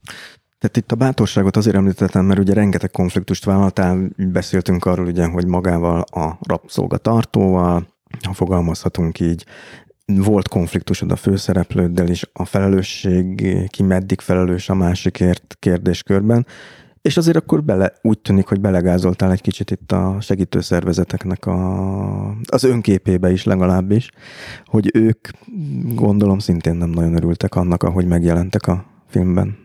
Hát persze, hogy nem örültek, nem örültek. Igazából én úgy álltam hozzá, én, mindig a megoldásra voltam kíváncsi, hogy jó, ez történt, de hogy mi a megoldás, hogyan lehet ezeknek az embereknek segíteni, hogy lehet azt elérni, hogy a következőre van ilyen betelefonálás, akkor ne ilyen sorsra jusson az, aki valóban segítségre szorul. És ez egy viszonylag egyszerű dolog is lehet akár, hogy megváltoztatják a kérdéssort, amit ilyenkor használnak. Igen, nyilván ez egy összetettebb dolog ennél, hogy, hogy én abban biztos vagyok, hogy nincsenek könnyű helyzetben, vagy rengeteg olyan betelefonál van, aki valójában nem ilyen helyzetben van, mint a Maris volt. Biztos vagyok benne, hogy jó indulatú emberek ülnek a telefonok mögött, és próbálnak segíteni, de ennek ellenére azt gondolom, hogy én végig kísértem test közelből egy ilyen helyzetet, a Marisnak még az is nehézséget okozott volna egyedül, hogy egyáltalán megtalálja ezt a telefonszámot. Tehát ez a telefonszám az interneten volt elérhető, rengeteget kerestem, mire, mire azt gondoltam, hogy ú, lehet, hogy ezt kell hívni. Számomra még a kifejezés sem volt egyértelmű, hogy kríziskezelő központ az minket érint. Tehát még neked sem. Nekem sem, amikor felhívtam még a szökés előtt, akkor azt az információt kaptam, mondjuk az áldozatnak tudnak csak információt adni, tehát ő telefonál, tehát nekem ez sem volt kielégítő, hogy én értem, de hogy közben meg többet kéne tudnom, mert az áldozat nem tud telefonálni. Szóval, hogy itt nagyon-nagyon sok olyan része volt, ami azt gondoltam, hogy nem alkalmazkodik a valós élethez. Tehát a Marisnak látnia kéne a közértbe, ahova elküldik, a, a busz megállóba, ahol várakozik, a postán, ahol felveszik a nyugdíját, vagy a segélyt a nevére. Látni kéne kiírva ezt a telefonszámot, mert ezek az emberek nem tudnak internetezni, hogy ott megtalálják és telefonáljanak. Igen, csak hogy értsük, a filmben is elhangzik, hogy ha jól emlékszem, hogy hiába küldik el dolgozni, aminek ugye a fizetést a az etájék veszik fel, nem kap belőle semmit, úti költségre sem kap pénzt, tehát és volt egy ilyen kérdés, hogy akkor hogy utazol, hogy potyázik. És ez, ez a kiszolgáltatottságnak szerintem egy olyan foka, most eszembe jutott az hirtelen elnézést, hogy csapongok, de hogy gondoljunk abba bele, hogy amikor BKV-n utazunk, és otthon hagyjuk a bérletet, vagy potyázunk, mert nem veszünk egyet, és elkap az ellenőr, az egy megalázó helyzet, az jelzés, vagy kinek hogy, de de általában véve ugye akkor az utasok lesütik a szemüket, nem néznek oda, valami kellemetlen, kínos dolog történik, éppen megbírságolnak polgártársunkat, aki potyázott, de hogy ez a nő minden nap ebben élt. És, és igen, és akkor hát valószínűleg nem az interneten fog rátalálni arra, hogy mit kellene csinálni. Mikor érezted azt, hogy kész vagy? Mármint, hogy, hogy akkor ez a verzió, ez az összevágott anyag az, ami a film. Tulajdonképpen időben voltam szorítva. Tehát, hogy nem éreztem úgy, hogy kész vagyok, amikor kész lettem. És ez azért volt, mert már meghívást kaptunk fesztiválra. A filmet négy hónappal később akartam volna befejezni a vágást, mint ahogy be kellett fejeznem. Ez amiatt is volt, mert részt vettünk egy workshopon, ahol már a premiért megelőző pár hónapban fesztivál válogatók voltak jelen, és már ott kaptunk egy jelzést az Amsterdami Dokumentumfilm Fesztiváltól, hogy ők ezt a filmet szeretnék versenybe vinni, és akkor, akkor volt meg az első normális vágottam, amit még messze nem befejezett filmnek tekintenék, és akkor én azt mondtam a producereknek, hogy meg tudom próbálni befejezni a premierre a filmet, de utána nagyon szeretnénk még két hetet vágni, mert ez képtelenség, hogy én időben végezzek. És akkor ezt szerencsére megengedték, de az Amsterdami premiére már tudtuk, hogy meghívást kapunk a Sundance-re, tehát akkor ott már megint volt egy ilyen időhatár. A Sundance csak megint azoknak mondom, akik nincsenek ebben benne. Ugye a, talán a világ legrangosabb független filmes fesztivál, egy kicsit olyan az alternatív filmek számára, mint az Oscara a, a fősodor film számára. Most a fősodor úgy kell érteni, hogy, hogy a Sundance-en is olyan filmek szerepelnek, ami igazából fősodor. De ha jól rémlik, magyar film Sundance-en, ez egy amerikai fesztivál versenyben soha nem volt még. Nem, nem volt. Ez volt az egész első. estés. Úgy tudom, hogy egész estés film. Mit éreztél akkor, amikor megérkezett ez a felkérés, hogy te vegyél ott részt, vidd el a filmet oda? Hát csodálatos volt, mert mert azt tudtuk, hogy nagyon kevés film van, amit oda beválogatnak. Úgy, úgy emlékszem, hogy 12 film volt dokumentumfilm szekcióban, az, a nemzetközi dokumentumfilm szekcióban összesen 64 filmet válogatnak be egy évben, de abban az évben volt 13 ezer film, amit beküldtek. Tehát ez egy nagyon nagy dolog volt. Akkor nekünk azt gondoltuk, hogy ez az a ez az, amit tulajdonképpen így csúcsnak megjelölnénk, hogy szakmailag, hogy, hogy ezt tök jó lenne elérni, nem láttunk rá nagy esélyt, de, de mindenki úgy beszélt róla, hogy ez a, ez, ez a világ közepe, hogy oda kijutunk, és hát én nagyon boldog voltam. Első filmesként azért ez nem semmi. Ugyanakkor egy korábbi interjúban olvastam, hogy a Sundance-es élményednek azt a címet is adhatnánk, hogy hogyan nem találkoztam Robert Redforddal. ez hogy volt ez a sztori?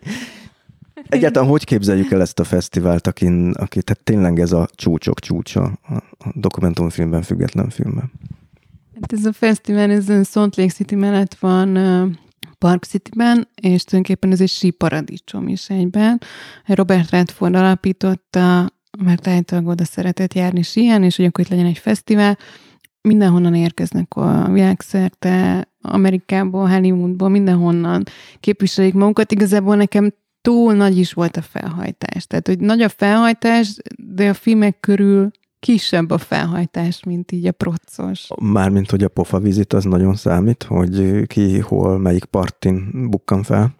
Igen, meg hogy úgy nehéz bejutni ide-oda, mindenütt sorba kell állni, ahol meghívód van, oda is sorba ez, hogy úgy Még a versenyfilm meghívót kapott film alkotóinak is sorba kell állni egy-egy ilyen igen, igen, és nem is mehetünk be bárhova, tehát, hogy még ott is érzed, hogy, hogy hol, hol állsz a ranglétrán. Tehát van egy, egy láthatatlan, vagy nagyon is nyilvánvaló hierarchia, amiben amit azonnal érzékelni így lehet. van, így van, illetve amit én nagyon hiányoltam, hogy ellentétben az európai fesztiválokkal, hogy nem volt egy olyan kávézó, vagy egy bizonyos hely, ahol tudom, hogyha oda megyek, akkor szakmai emberekkel találkozom, filmesekkel, akiknek szintén versenyben van filmjük, mert nagyon nehéz volt megállapítani azt is, hogy ki az, aki protokoll vendég, ki az, aki turista, ki az, aki néző, tehát mindenki mászkál a városban, csak azt volt, hogy nagyon nehéz bejutni bárhova, és akkor várod, hogy a filmedre elmenjél, legyen egy premier, Nyilván nagyon izgalmas élmény volt, de azért bennem volt egy hiányérzet utána, hogy ennél picit többet vártam szakmailag. És akkor az hogy volt, hogy Robert Redfordhoz nem sikerült bejutni? Igen, ez úgy volt, hogy a rendezőknek, akiknek versenyben van a filmjük, szerveznek egy reggelit a Robert Redford házában, és én nem tudtam, hogy ez fönn van a hegyen, hogy ott külön van egy pick reggel, és nekem elveszett a pontjászom, amikor kiutaztam, és intéznem kellett, hogy legyen valami ruhám a premier, és azt gondoltam, hogy mindegy, majd oda megyek később a szállodához, és akkor majd becsatlakozom. És aztán, amikor oda mentem, akkor kiderült, hogy hát én erről már rég lekéstem. már rég elmentek a hegyre, úgyhogy így nem volt módom találkozni vele. De ez is talán jelzi azt a, azt a formalitást, ezt a hivatalos jelleget, ami, ami nekem is így az elmondás alatt egy kicsit váratlan, mert az ember azt hinné, hogy hát független filmes fesztivál, jó, hát a világ első, de hogy egy kicsit bohémabb, hogy mindenki ott találkozik más szakmabeliekkel, összebarátkoznak, berúgnak, beszélgetnek, nem tudom, most mondtam egy hülyeséget, de hogy az jön le, hogy igen, hogy ez egy nagyon-nagyon formális, kicsit merevebb keretek között zajló valami lehet, mint én azt sejtettem. Hát inkább azt gondolnám, hogy mondjuk az európai fesztiválokhoz képest merevebb, de én el tudom képzelni, hogy ők magukat mondjuk az Oscarhoz hasonlítják, amihez képest meg ugye sokkal lazább. Tehát ott nem kell a premiéreden megjelenned smokingban, meg kis estéiben, hanem... hanem... a könnyebbség. De tényleg az, mert hogy jobban érzed magad, Ugyanakkor meg teltházas vetítések vannak, tehát az érdeklődés az baromi nagy, és azért azt elmondhatom, hogy, hogy nekünk talán öt vetítésünk volt, mindegyik teltházon, ami azt jelenti, hogy több száz néző ott van. Értették az amerikai nézők? Igen, filmet? nagyon jól értették, nagyon aktívak voltak utána, rengeteg kérdés volt, tehát hogy az viszont egy fantasztikus élmény volt, és azt hiszem elmondhatom, hogy, hogy a legjobb vetítéseink azok, azok ott voltak. Úgyhogy ez, ez fantasztikus volt, mert tulajdonképpen hiába nem volt szak szakmai maga a fesztivál, vagy nem kellőképpen, mégis az az élmény, hogy a közönségtől visszajelzést kapunk, az felülírja ezt. Téged meglepett egyébként, hogy Amerikában értik ezt a filmet? Hiszen nem volt róla még szó, de ez ugye Budapesten, vagy valamelyik külső kerületben forgattad ezt a filmet, hát egy magyar témának tűnik így elsőre, és mégis azt mondod, hogy reagált az amerikai közösség, nem is akárhogy. Igen, engem nagyon meglepett. Egyrészt az amerikai közönség is meglepett, de utána rengeteget utaztam, és azt kell, hogy mondjam, hogy a világ minden részéről ilyen visszajelzést kaptam, és ez nagyon-nagyon jó érzés volt. Én nem gondoltam volna, hogy ez így lesz. Ugyanakkor a vágás során mi tudatosan figyeltünk arra, hogy mi nemzetközi piacra akarjuk vinni a filmet, tehát nem akartuk tulajdonképpen magyarosítani, hanem, hanem inkább azt a nyelvet kerestük, ami mindenkihez szólt. Tehát ezért ez egy munka eredménye is lett, és később a kommunikációnkban és a sajtó kommunikációnkban is valahogy ezeket a dolgokat hangsúlyoztok ki, amik általános értékek mindenki számára. És én azt gondoltam, hogy valószínűleg azért értik jól ezt a filmet, mert benne van végig az empátia, és hogy valahogy ezzel tudunk azonosulni. Persze országonként azt éreztem, hogy eltérő mértékű az áldozathibáztatás, azt hiszem, hogy ez volt a legnagyobb különbség országok között, de ez egy csodálatos élmény volt, hogy értik a filmet. Az, hogy áldozathibáztatás ebben az esetben azt jelentik, hogy a, azt mondták, hogy a Maris hát nem volt bezárva, miért nem jött el? Egyrészt, hogy miért nem jött el, hiszen nyitva volt az ajtó. Ugye ehhez azért kell némi empátia belegondolni egy olyan helyzetbe, hogyha valakit bántalmaznak, meg van félemlítve, nincs egy fillérje se, hogy mégis hogy lehetne ezt kivitelezni. Másrészt pedig meg ugye, bocsánat, hogy közbeszólok, azért ott a filmből is kiderül, hogy a hitelt vettek fel a nevére, a lányával is zsarolták valamiképpen, tehát egy olyan helyzetbe volt, amiből hát lehet, hogy én se tudnék kilépni. Pedig lehet, hogy én ezt tanultam is valahol, vagy egy részét, hogy, hogy ez hogy néz ki.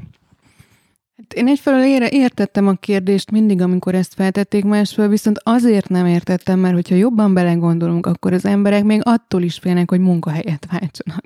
Tehát, hogy vagy kilépjenek egy rossz kapcsolatból. Tehát annyira sok minden tartja vissza őket a félelemtől, hogyha most belegondolsz abba, hogy valakit bántalmaznak, elveszik az összes pénzét, minden méltóságától megfosztják, nem lehet munkahely, mert ugye ott is megtalálnak, nem lehet hova menni aludni, nincsen egy ember az életem, és az egész életét meg kellene változtatni egyik pillanatra a másikra, hát azért én kíváncsi lennék, hogy hányan képesek erre, hogy ezt végigcsinálják. Jellemző az földrajzilag, hogy hol volt kevésbé, vagy kevesebb ilyen áldozat hibáztató hang, és hol több? Igen, sajnos ez jellemző volt, hogy minél inkább nyugatra mentem, annál empatikusabbak voltak az emberek, ugyanakkor azt gondoltam, hogy annál inkább távol állnak ettől a világtól, tehát hogy nehezen tudják elképzelni, de mégis empátia van bennük. Minél inkább keletre mentem, annál inkább volt áldozathibáztatás a közönség részéről, Úgyhogy én azon is gondolkoztam, hogy lehet, hogy ugye minél inkább keletre megyünk, annál több az emberek problémája, lehet, hogy nincsen arra elég kapacitásuk, hogy egy másik problémába úgy belehelyezkedjenek, hiszen megvan nekik a saját maga problémájuk. Tehát picit ez volt az érzésem Amerikában, hogy, hogy ott van idő, meg van kapacitás foglalkozni azzal, hogy hogyan segítsünk az elesetnek, hiszen mi magunk nem vagyunk azok. Tehát egy kicsit úgy jött le, hogy mondjuk Magyarországon egy csomó ember azt gondolja, vagy azt érzi, hogy nekem is megvan a saját problémám, nem fogok máséval foglalkozni. Volt némi ilyen, de egyébként Magyarországon is meglepően jók voltak a reakciók. Tehát azt hiszem, hogy ahol a leg a legkevésbé találkoztam empátiával, és a legmagasabb mértékben áldozathibáztatás az Ukrajna volt, és Románia, ami engem egyébként meglepett, de, de így volt. A film végén bizonyos számokat elmondtunk, onnan az derül ki, hogy ez egy hát az egy kolán sem egy kelet-európai probléma. Nem biztos, hogy jó számot idézek, azt hiszem a magyar szám az volt, hogy több mint 20 ezeren élnek hasonló rabszolgasorban Magyarországon, de a világon Hát ott valami irreálisan magas szám volt. 45 millió. 45 millió ember. Igen. Igen. Igen, tehát ugye a film végén is szándékosan nyitunk világszintre, hogy más is, hogy tudják az emberek, ez mást is érint, más országokat is érint. Ugyanakkor meg az a tapasztalatom, hogy bárhova mentem közönségtalálkozóra, mindenütt azt gondolják, hogy aha, tök jó, ez mindenütt van, de nálunk nincs. És én igazából ezért is utaztam ennyit, és mentem mindig beszélgetni a közönséggel, hogy el tudjam mondani minden országban, hogy ez mindenhol van. És minden beszélgetésre felkészültem az adott ország statisztikájából, hogy tudják számszerűen, hogy hozzávetőlegesen hány ember él ilyen helyzetben, és olyankor mindig nagyon meglepődtek. Azon gondolkodtam, hogy talán a meglepődés egyik oka az lehet, hogy ugye egy olyan helyzetről beszélünk, amely nagyon manipulatív viszony. Tehát, hogy, hogy egy ilyenbe benne lehessen tartani egy embert, ahhoz a, a rabszolgatartónak ugye manipulálnia kell a, az áldozatát, és így elkezdtem gondolkozni azon, hogy hány és hány olyan helyzetünk lehet, ami korán sem ennyire durván, tehát nem akarom összehasonlítani, hiszen ez egy extrém, teljesen más dolog, de így belegondoltam, hogy az én életemben is, hát basszus, hát voltak olyanok, nem ismertem fel, nem léptem ki, nem sikerült megtenni, tehát valahol az egésznek a kulcsa, mintha az lenne, hogy a felismerés történik meg itt a Maris részéről is, ami egy egészen katartikus dolog gáteszi, hiszen annélkül ő sem érti, hogy miben van benne. Igen, hát ez a helyzet mindig manipulációval indult. Tehát ugye senki nem hülye, és nem bólintana rá valamire, ami neki nem jó, de az esetek nagy részében, és ez külföldre is érvényes, hogyha valaki vendégmunkás, vagy ugye sok helyzetből ki tud alakulni egy ilyenfajta függőség, akkor az elején egy jobb élet reményében megy ugye bele ezekbe a dolgokba, vagy azért, mert jól fog keresni, vagy, vagy, vagy egzisztenciálisan jobb lesz neki, vagy lesz hol laknia. Tehát, hogy itt mindig van egy beetetés része a dolognak, és utána kezd el szépen lassan ez átváltozni. És valóban én is azt gondolom, hogy a saját életünkön is megtapasztalhatjuk ezeket az apró beleszokási folyamatokat, ahogy szépen lassan elfogadunk valamit, ami igazából nekünk nem jó, és csak később veszük észre azt, hogy fú, én ettől már nagyon távol állok attól, ami nekem igazából jó. A forgatás során neked volt olyan meghatározó pillanat, amikor azt érezted, hogy most született meg valami a Marisban arról, hogy miben is van?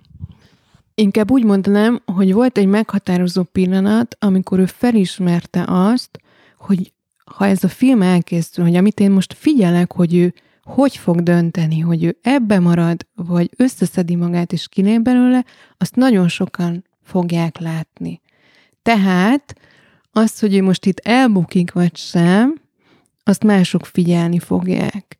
És akkor neki adott ez egy lökést, úgy éreztem, hogy ő most már nem csak magának akarja bebizonyítani, hogy elég erős, hanem az egész világnak. Ez nagyon érdekes, amit mondasz, és készültem egy idézettel, amit lehet, hogy most felolvasok, sőt, biztos, hogy felolvasok.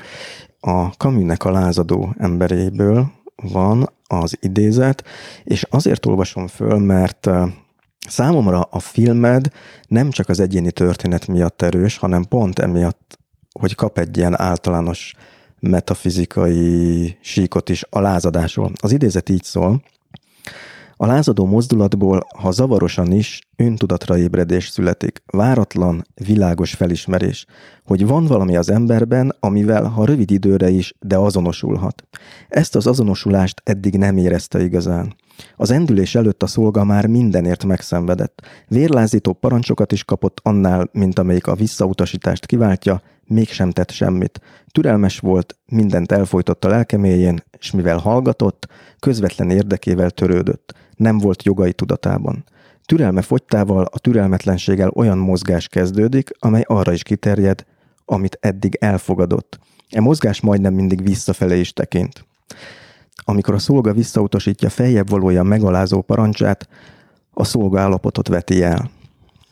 Eddig tart az idézet, és amiért felolvastam, mert nekem nagyon erősen benne volt ez a mozdulat, és nem tudom megfogni, hogy hol a filmben. Talán volt egy kulcs jelenet, és azt a szökés előtt lehetett látni, hogy az akkor történt, vagy nem tudom, amikor a fogvatartóinak van egy eltörött Jézus szobra, és megragasztja a, a Maris, mint rabszolga ezt a szobrot. Hogy ez tényleg az előtt történt, hogy megszökött volna, vagy ezt utólag raktad oda a szerkesztés során? Ez tényleg azelőtt történt, és nekem ez nagyon szép volt, hogy ezt még megcsinálja, mielőtt elmegy. És ugye neki is be volt épp kötözve a karja, mert hogy bántották, és fájt neki. És ezt egy nagyon szép szimbolikus dolognak tartottam, úgyhogy már a forgatáson azt gondoltam, hogy ezt a szökés elé szeretném majd berakni. Mert itt valami, hát itt ezt nem akarom most értelmezni, mert aztán végképp rendkívül hülye jövök ki belőle, hogy okoskodom, de hogy igen, hogy itt valami helyreállt, és, és ezért is olvastam ezt az előző idézetet, hogy, hogy visszamenőleg helyreáll valami. A Maris egyébként látta a filmet, mielőtt elkezdett fesztiválokra vinni?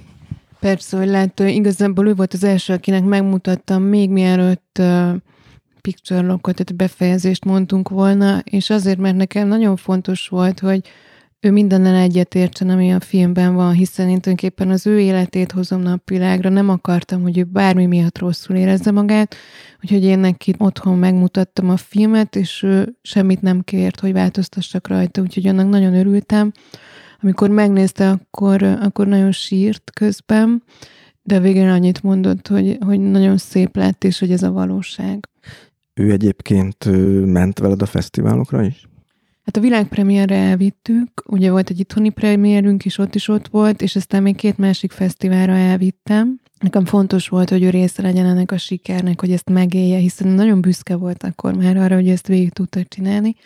Viszont utána úgy éreztem, hogy neki jobb ezt az egészet most már elfelejteni, tehát ő nem szeretne erre emlékezni, a közönség találkozón kellemetlenül éreztem magam amiatt, hogy majd a közönség milyen kérdéseket fog neki feltenni, hiszen én magam például soha nem használtam előtte azt a szót, hogy csicska. mert nem akartam őt bekategorizálni, és megbántani azzal, hogy én őt annak látom. Tehát, hogy én ilyen apróságokra is figyeltem, és azt gondoltam, hogy emiatt tudtam elnyerni a bizalmát, viszont érthető, hogy a közönség ilyenekre nem gondol, és nem akartam, hogy őt utólag ilyen bántások érjék. És érték?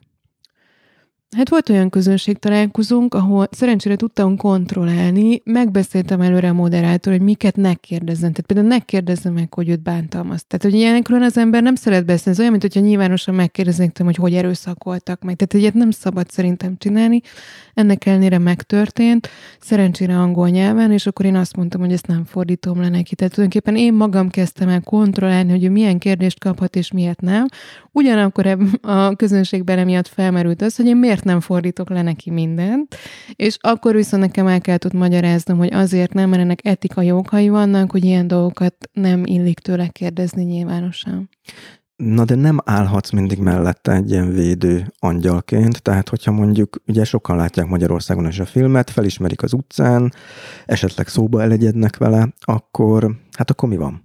Igen, alapvetően nem szereti, hogyha szóba elegyednek vele, de egyébként meg tudom, hogy van benne egy büszkeség a film miatt, illetve szerencsére mindenki, aki oda ment hozzá, az, az azért ment oda hozzá, hogy gratuláljon neki, hogy csodálatos, amit végigcsinált, és hogy ő egy fantasztikus ember. Tehát szerencsére csak pozitív reakciókat kapott.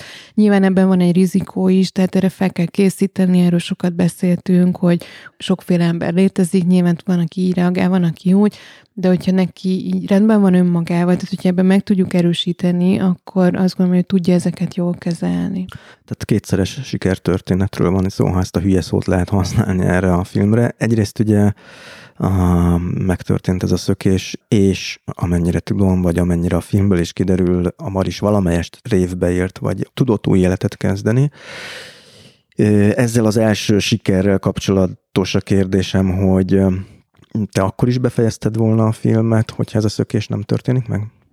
Hát valószínűleg nem hoztam volna nyilvánosságra akkor ezt az anyagot, mert azt gondoltam végig, hogy nem lenne etikus valakinek a szenvedéseit megmutatni, anélkül, hogy erre lenne megoldás. Tehát azt én biztos, hogy nem csináltam volna meg, hogy, hogy őt olyan kiszolgáltatott helyzetbe hozom, hogy, hogy valaki azt nézze, hogy ő hogyan szenved. Ráadásul ugye engem is megkérdőjelez akkor az etikailag, hiszen ki vagyok én, hogy megtettem ezzel a nővel azt, hogy csak végignézem, hogy szenved, és aztán ott hagyom. Tehát ez nagyon-nagyon sok etikai problémám lett volna, de szerencsére aztán megtörtént a szökés, tehát végülis ez nem kellett, hogy dilemma legyen. De ebben elég sokáig nem voltál biztos, gondolom. Nem voltam biztos, és többek között ez is volt az oka annak, hogy, hogy nem tudtam producerek felé, vagy nem akartam elköteleződni, mert azt gondoltam, hogy nekem az rémes lenne, hogyha ők ők azt akarnák, hogy én ebből filmet csináljak, és közben ő még mindig ott van, vagy van ez az etikai probléma, de nekem ez nem fért volna bele. Most egy nagyon cinikus megjegyzést teszek, és abszolút tudok azonosulni azzal, amit mondasz az etikai problémával, tehát nem ezt akarom kisebbíteni, de az elején beszéltünk arra, hogy igazából ez dramaturgiailag sem működött volna, nem? Hogyha nincs a végén ez a, ez a feloldás. Mert beszéltünk a játékfilmes eszközökről, ahol a hős legyőzi az akadályokat, és eljut valahonnan valahova. Hát én nem tartom szerencsésnek azokat a filmeket, ahol nincsen megoldás, ugyanakkor rengeteg ilyen film van. Persze van olyan, amit szeretek közülük, de hogy azért nem, szerintem ez nem működik, nagyon sok esetben nem működik. Én biztosan egy ilyen helyzetben nem akartam volna egy ilyen filmet, és azért nem, mert itt élő emberekről van szó, tehát ez tényleg egy etikai kérdést vet fel. Te említetted, hogy volt egy mélypont a, a filmben, és ez a mélypont valamiképpen úgy oldódott fel, hogy a Maris eldöntötte, hogy akkor bemegy egy hajléktalan szállóra, tehát már a szökés után. És az jutott eszembe, hogy ez egy nagyon érdekes dolog, mert ugye dilemád volt, hogy most megszökik a Maris, vagy nem szökik meg, de igazából itt volt még egy dilema, hogy mi lesz vele a szökés után, hogyha ő ott ragad mondjuk a hajléktalan szálon, és nem tud tovább lépni akkor ugye mondhatjuk azt, hogy a főszereplőd megint csak megszökött, de belebukott a szabadságba, mert nem tudott onnan tovább lépni. És ez azért jutott eszembe, mert nagyon sokszor így vagyunk az életben, talán mi is, hogy a szabadságnak a választása, hát az egy kockázattal jár, és beszéltünk itt arról, hogy a te felelősséged meddig terjed, és akkor mondhatta utána vagy mondhatná valaki, hogyha ez lett volna a történetnek a vége, hogy az élete nem jön egyenesbe, hogy hát kirángattad a, a fedél alól, ugye ott lakott, ott volt cigarettája, volt fedél a feje fölött, és most egy hajléktalan szálon van. Hogy a felelősségnek ez a része nem nyilalt akkor belét, hogy könnyen így is véget érhet a dolog, hogy megvolt a szökés, de, de hát itt van egy ember, akit felbiztattam, hogy szökjön meg, vagy változhasson az életét, és rosszabb lett neki, mint, mint volt. Én ettől abban a két napban féltem, amíg nem találtuk meg ezt a szállás lehetőséget, de valójában ez egy rendszerbeli hiba, hogy ezt a helyet, ahova ő került, amit tulajdonképpen egy női szálló, hivatalosan hajléktalan szállónak hívják, mert ez olyan volt, mint egy ilyen lepuka női kollégium. Tehát ott voltak szocmunkások, ott foglalkoztak velük, oda nem mehetett be senki, akit nem vettek oda fel, tehát nem lehetett csak úgy bemenni az utcáról, és nem tudom, kb. 40-50-en lakhattak ott, kisebb szobákban, tehát kultúrát hely volt, ahol segítettek nekik a társadalomba való beilleszkedésben is. Tehát például önéletrajzot írtak, pszichológus volt minden két hétben, tehát egy igen nagy segítséget kapott, és egy biztonságos közegbe érkezett. Én azt nagyon nagy problémának tekintettem, hogy hajléktalan szállónak hívják, mert szerintem meg kellett volna különböztetni ezt az elnevezést, hiszen ő maga is végig attól retteget egy ilyen szituációban, hogy hajléktalan lesz. És ugye ezért volt a kiborulása, hogy oda nem akar bemenni és amikor oda bement, már abban a pillanatban látta, hogy ez egy teljesen normális hely, ahol kultúrátan lehet érni, még egy lakcímet is kap, tulajdonképpen őt ezzel tudják segíteni igazán azzal, hogy új életet tudjon kezdeni. És ha így ellépünk ettől egy kicsit, mm, és itt az ördögügyvédét játszom, és tényleg provokatív, amit megfogalmazok, hogy nem lehet, hogy van mondjuk egy csomó ember, aki ebben a sorban van, de mégiscsak van kajája, cigije, stb. Miközben a, mondjuk egy segélyszervezet vagy egy aktivista felbiztatja arra, hogy változtasson az életén, de nem tudnak neki segíteni. Hogy ez mennyire létező probléma, vagy mennyire beszélek most hülyeséget? Mindenképpen szükség van utógondozásra, tehát az nem elég, hogy valakit kiemelnek egy ilyen helyről, utána szüksége van támogatásra, nagyon sok értelemben. Én a Maris esetében azt láttam, hogy ő körülbelül egy évig élt ezen a női szálon, az nagyon nagy segítség volt, viszont amikor kikerült ebből, mert elment albérletbe lakni, akkor azzal megszűnt az a fajta szociális támogatás is, amit ő kapott. Tehát gondolok itt a pszichológusra, a, a szocmunkásoknak a jelenlétére, és én ezt egy problémának tartom. Tehát azt gondolom, hogy az ilyen embereknek hosszú évekig szükségük lenne ilyenfajta ellátásra vagy támogatásra, mert bármikor elbizonytalanodhatnak és visszaeshetnek a korábbi helyzetbe, viszont ezt ő már nem kapta meg, mert nem volt rá jogosult. De végül így is révbe ért, mondhatjuk azt, hogy helyre jött az élete. Mondhatjuk, de, de azt gondolom, hogy egy, egy ilyen posztraumás terápiára neki is elég nagy szüksége lenne. A másik sikertörténet, hogyha ennél a kicsit billegő szónál maradok, az maga a filmnek a sikere. Erről is szerintem ejtsünk pár szót. Azt tudom, hogy nagyon sok fesztiválra nevezték, és én hát a az IMBD, azt magyarul is angol rövidítésre szokták mondani, vagy IMBD, nem tudom. IMDB. IMDB, IMDB, és rosszul is mondtam. Uh, ott négy uh, díjat láttam, de nekem az rémlik, hogy többet kapott ennél. Igen, a film az 30 valahány díjat kapott, de ezeket nem én regisztrálom az IMDb-n, tehát szerintem azok a fesztiválok, akik saját magukat be kreditálták a filmhez, azok jelentek meg, de de valójában 30 valahány díjat nyert. Aha, tehát akkor nagyon sok nincs is ott. De hát azt lehet mondani azt, hogy nemzetközi ö, siker. Amikor kész volt a film, szóba kerültek a producerek, könnyű volt producer találni rá, amikor már látták, hogy ez, ez egy ilyen anyag? Igen, akkor már könnyű volt producer találni. Lett volna több választásom is, végül egy olyan producerrel állapodtam meg, Ugri Juliana, akivel már dolgoztam korábban, amikor skripteltem vagy vágtam. Úgyhogy akkor megállapodtunk, Utána ugye az is feladatunk volt, hogy koproducereket találjunk, tehát önmagában a magyar finanszírozás az nem volt elég arra, hogy ezt a filmet el tudjuk készíteni.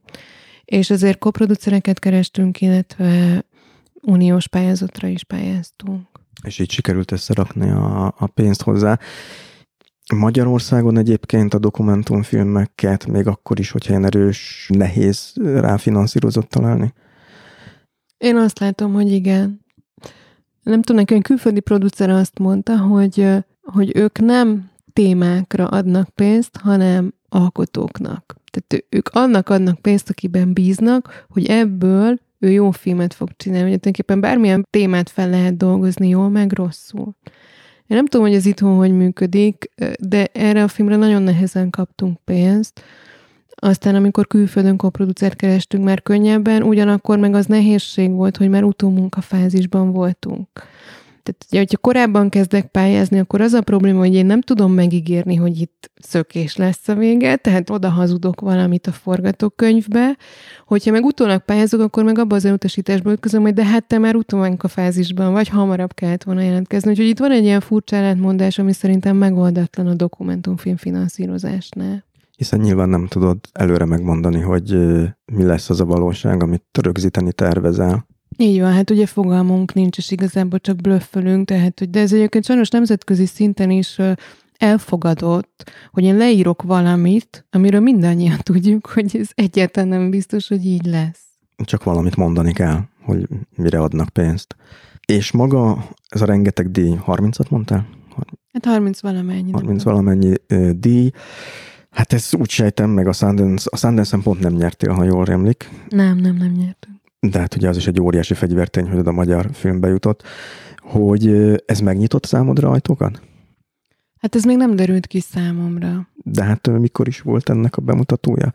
Itt egy érdekes idősorban lehet, hogy ezt is érdemes tisztázni itt, hogy a külföldi bemutató korábban volt, mint a magyar, ha jól emlék. Igen, tehát ez úgy volt, hogy 2017 novemberében volt az Amsterdami világpremiér, utána 2018 januárjában a Sundance, és aztán a filmet elkezdtük fesztiváloztatni, és 2019, tehát ez év tavaszán került itthon a mozikba. Igen, ennek megvan a magyarázata, nem biztos, hogy érdemes belemászni most, de hogy ez két év eltelt már, hogy két év alatt sem derült ki, hogy ez most megnyitott számodra ajtókat, vagy nem nyitott meg?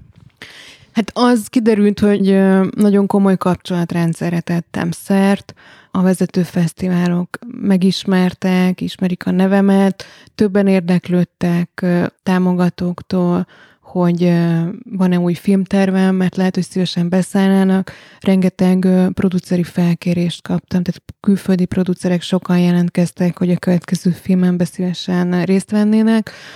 Ugyanakkor meg itthon tavaly beadtam egy filmtervet az MTV-hoz, és aztán utasították. Ami engem rendkívül módon meglepett, ugyan volt ennek formai oka is, de hogy akkor azt gondoltam, hogy ez nem biztos, hogy azért egyenes út ahhoz, hogy én a következő filmemre finanszírozást kapjak. Tehát a, a lényeg az, hogy az MTV nem látott valami miatt fantáziát ebben a filmben, annak ellenére, hogy a, az éppen a mozikban lévő filmet díjesőt kapott. Azt lehet tudni, hogy vagy el lehet mondani, hogy mi az a film, amit tervezel? Hát a, a témájáról még nem szívesen beszélek, mert még én is keresgélem, hogy pontosan mit szeretnék csinálni, de, de filmnyelvileg ugyanezt keresem tulajdonképpen, hogy hogyan tudok egy egy igaz történetet elmesélni, minél izgalmasabban a néző számára, hogy minél inkább mozi élmény nyújtson. De akkor a dokumentumfilmnél maradsz továbbra is? Igen, igen, most még a dokumentumfilmnél maradok, mert valahogy sokkal erősebbnek érzem az igaz történetet. Tehát azt gondolom, hogyha valami jól van feldolgozva, akkor attól, hogy ez ráadásul a szemem előtt történik meg, kap még egy pluszt, és ettől nekem pillanatnyilag sokkal izgalmasabb, mint a fikción dolgoznék, mert maga a folyamat is, amiben részt veszek, az, az nagyon-nagyon érdekes. Most eszembe jutott, hogy a beszélgetés elején említettük, hogy pár szót szólunk majd arról, hogy hát hogy hogyan tudja megnézni szegény hallgató, aki nem látta a filmet, mert hogy itt vannak bizonyos nehézségek. Én mondtam, hogy pont ma játszák valamelyik budapesti moziban, de ez inkább a kivétel, úgyhogy te tudod bíztatni a hallgatókat, azok, akik keresik a filmet, hogy hol tudják megnézni? Igen, én nagyon bíztatom őket, azért néha még játszák a mozik, például a Premier Cold Café játszotta egész nyáron, és ott összen is menni fog a film, illetve néha van egy-két filmklub, például szeptember 30-án a Magvető Café és az UNICEF közösen csinálnak egy vetítést a filmből, illetve új falun is lesz szeptember 19 és 22 között három előadás. Tehát akik esetleg lecsúsznának ezekről a vetítésekről, azoknak lehet mondani, hogy keressék a mozi műsoron, például port.hu, mert később is valószínűleg játszani fogják, akik pedig azonnal meg akarják nézni, azok ezek az időpontok élnek, és ezeket az időpontokat én felteszem a műsorjegyzetekbe is majd, hogy onnan is lehessen látni. Arra van egyébként esély, hogy valamilyen utómódon digitálisan, akár DVD-n, akár online elérhető lesz ez a, ez a film. Igen, reméljük, hogy online elérhető lesz, remélem, hogy az év vége felé ez már aktuális, vagy jövő év elején. Nyilván, amíg a moziba megy, addig nem gondoltuk, hogy online is közzé tegyük.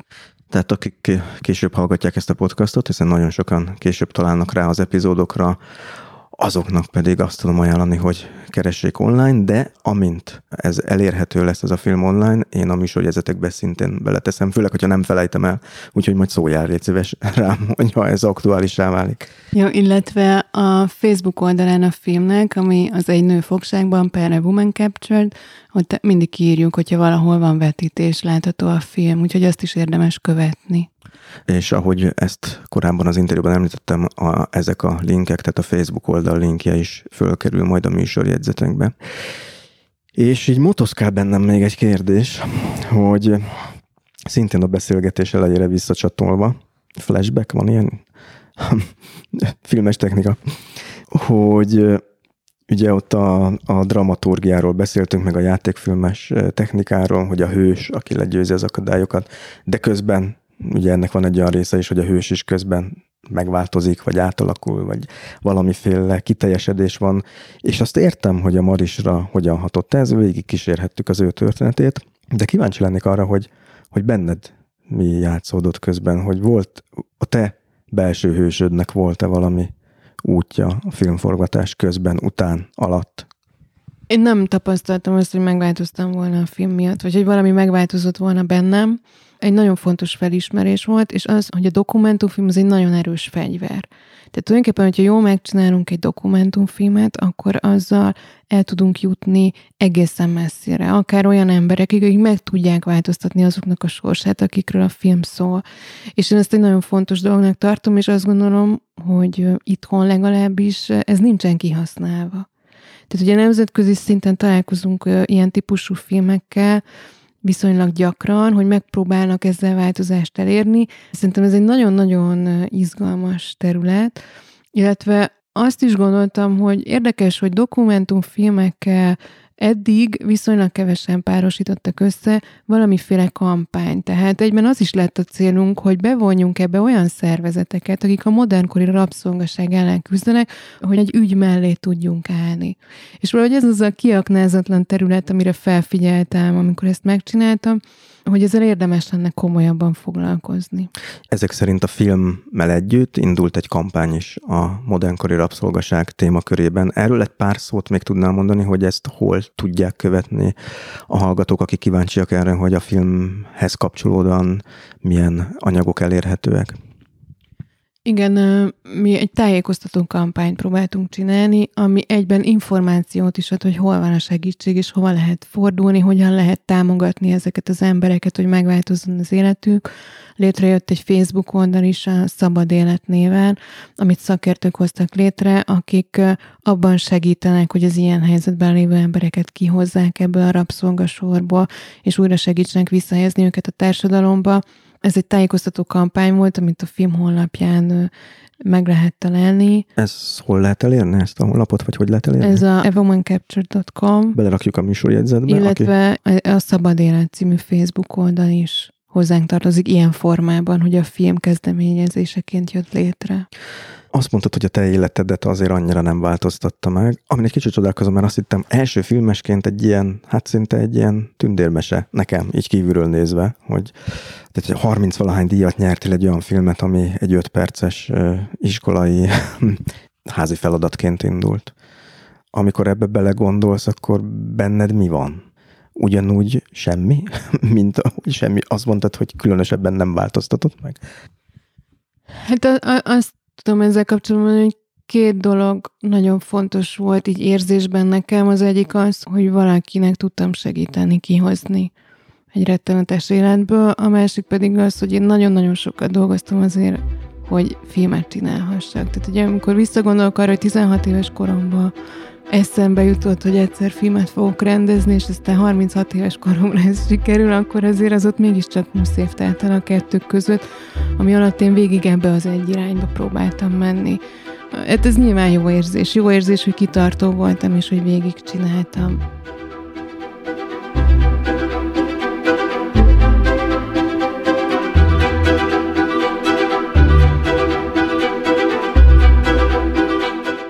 Ennyi volt mára az élet, meg minden, legalábbis ami a műsort illeti. Kedves hallgatók, ezzel búcsúzom a következő alkalomig, de még mielőtt lekeverném magam, elmondom, hogy elindult a stósz.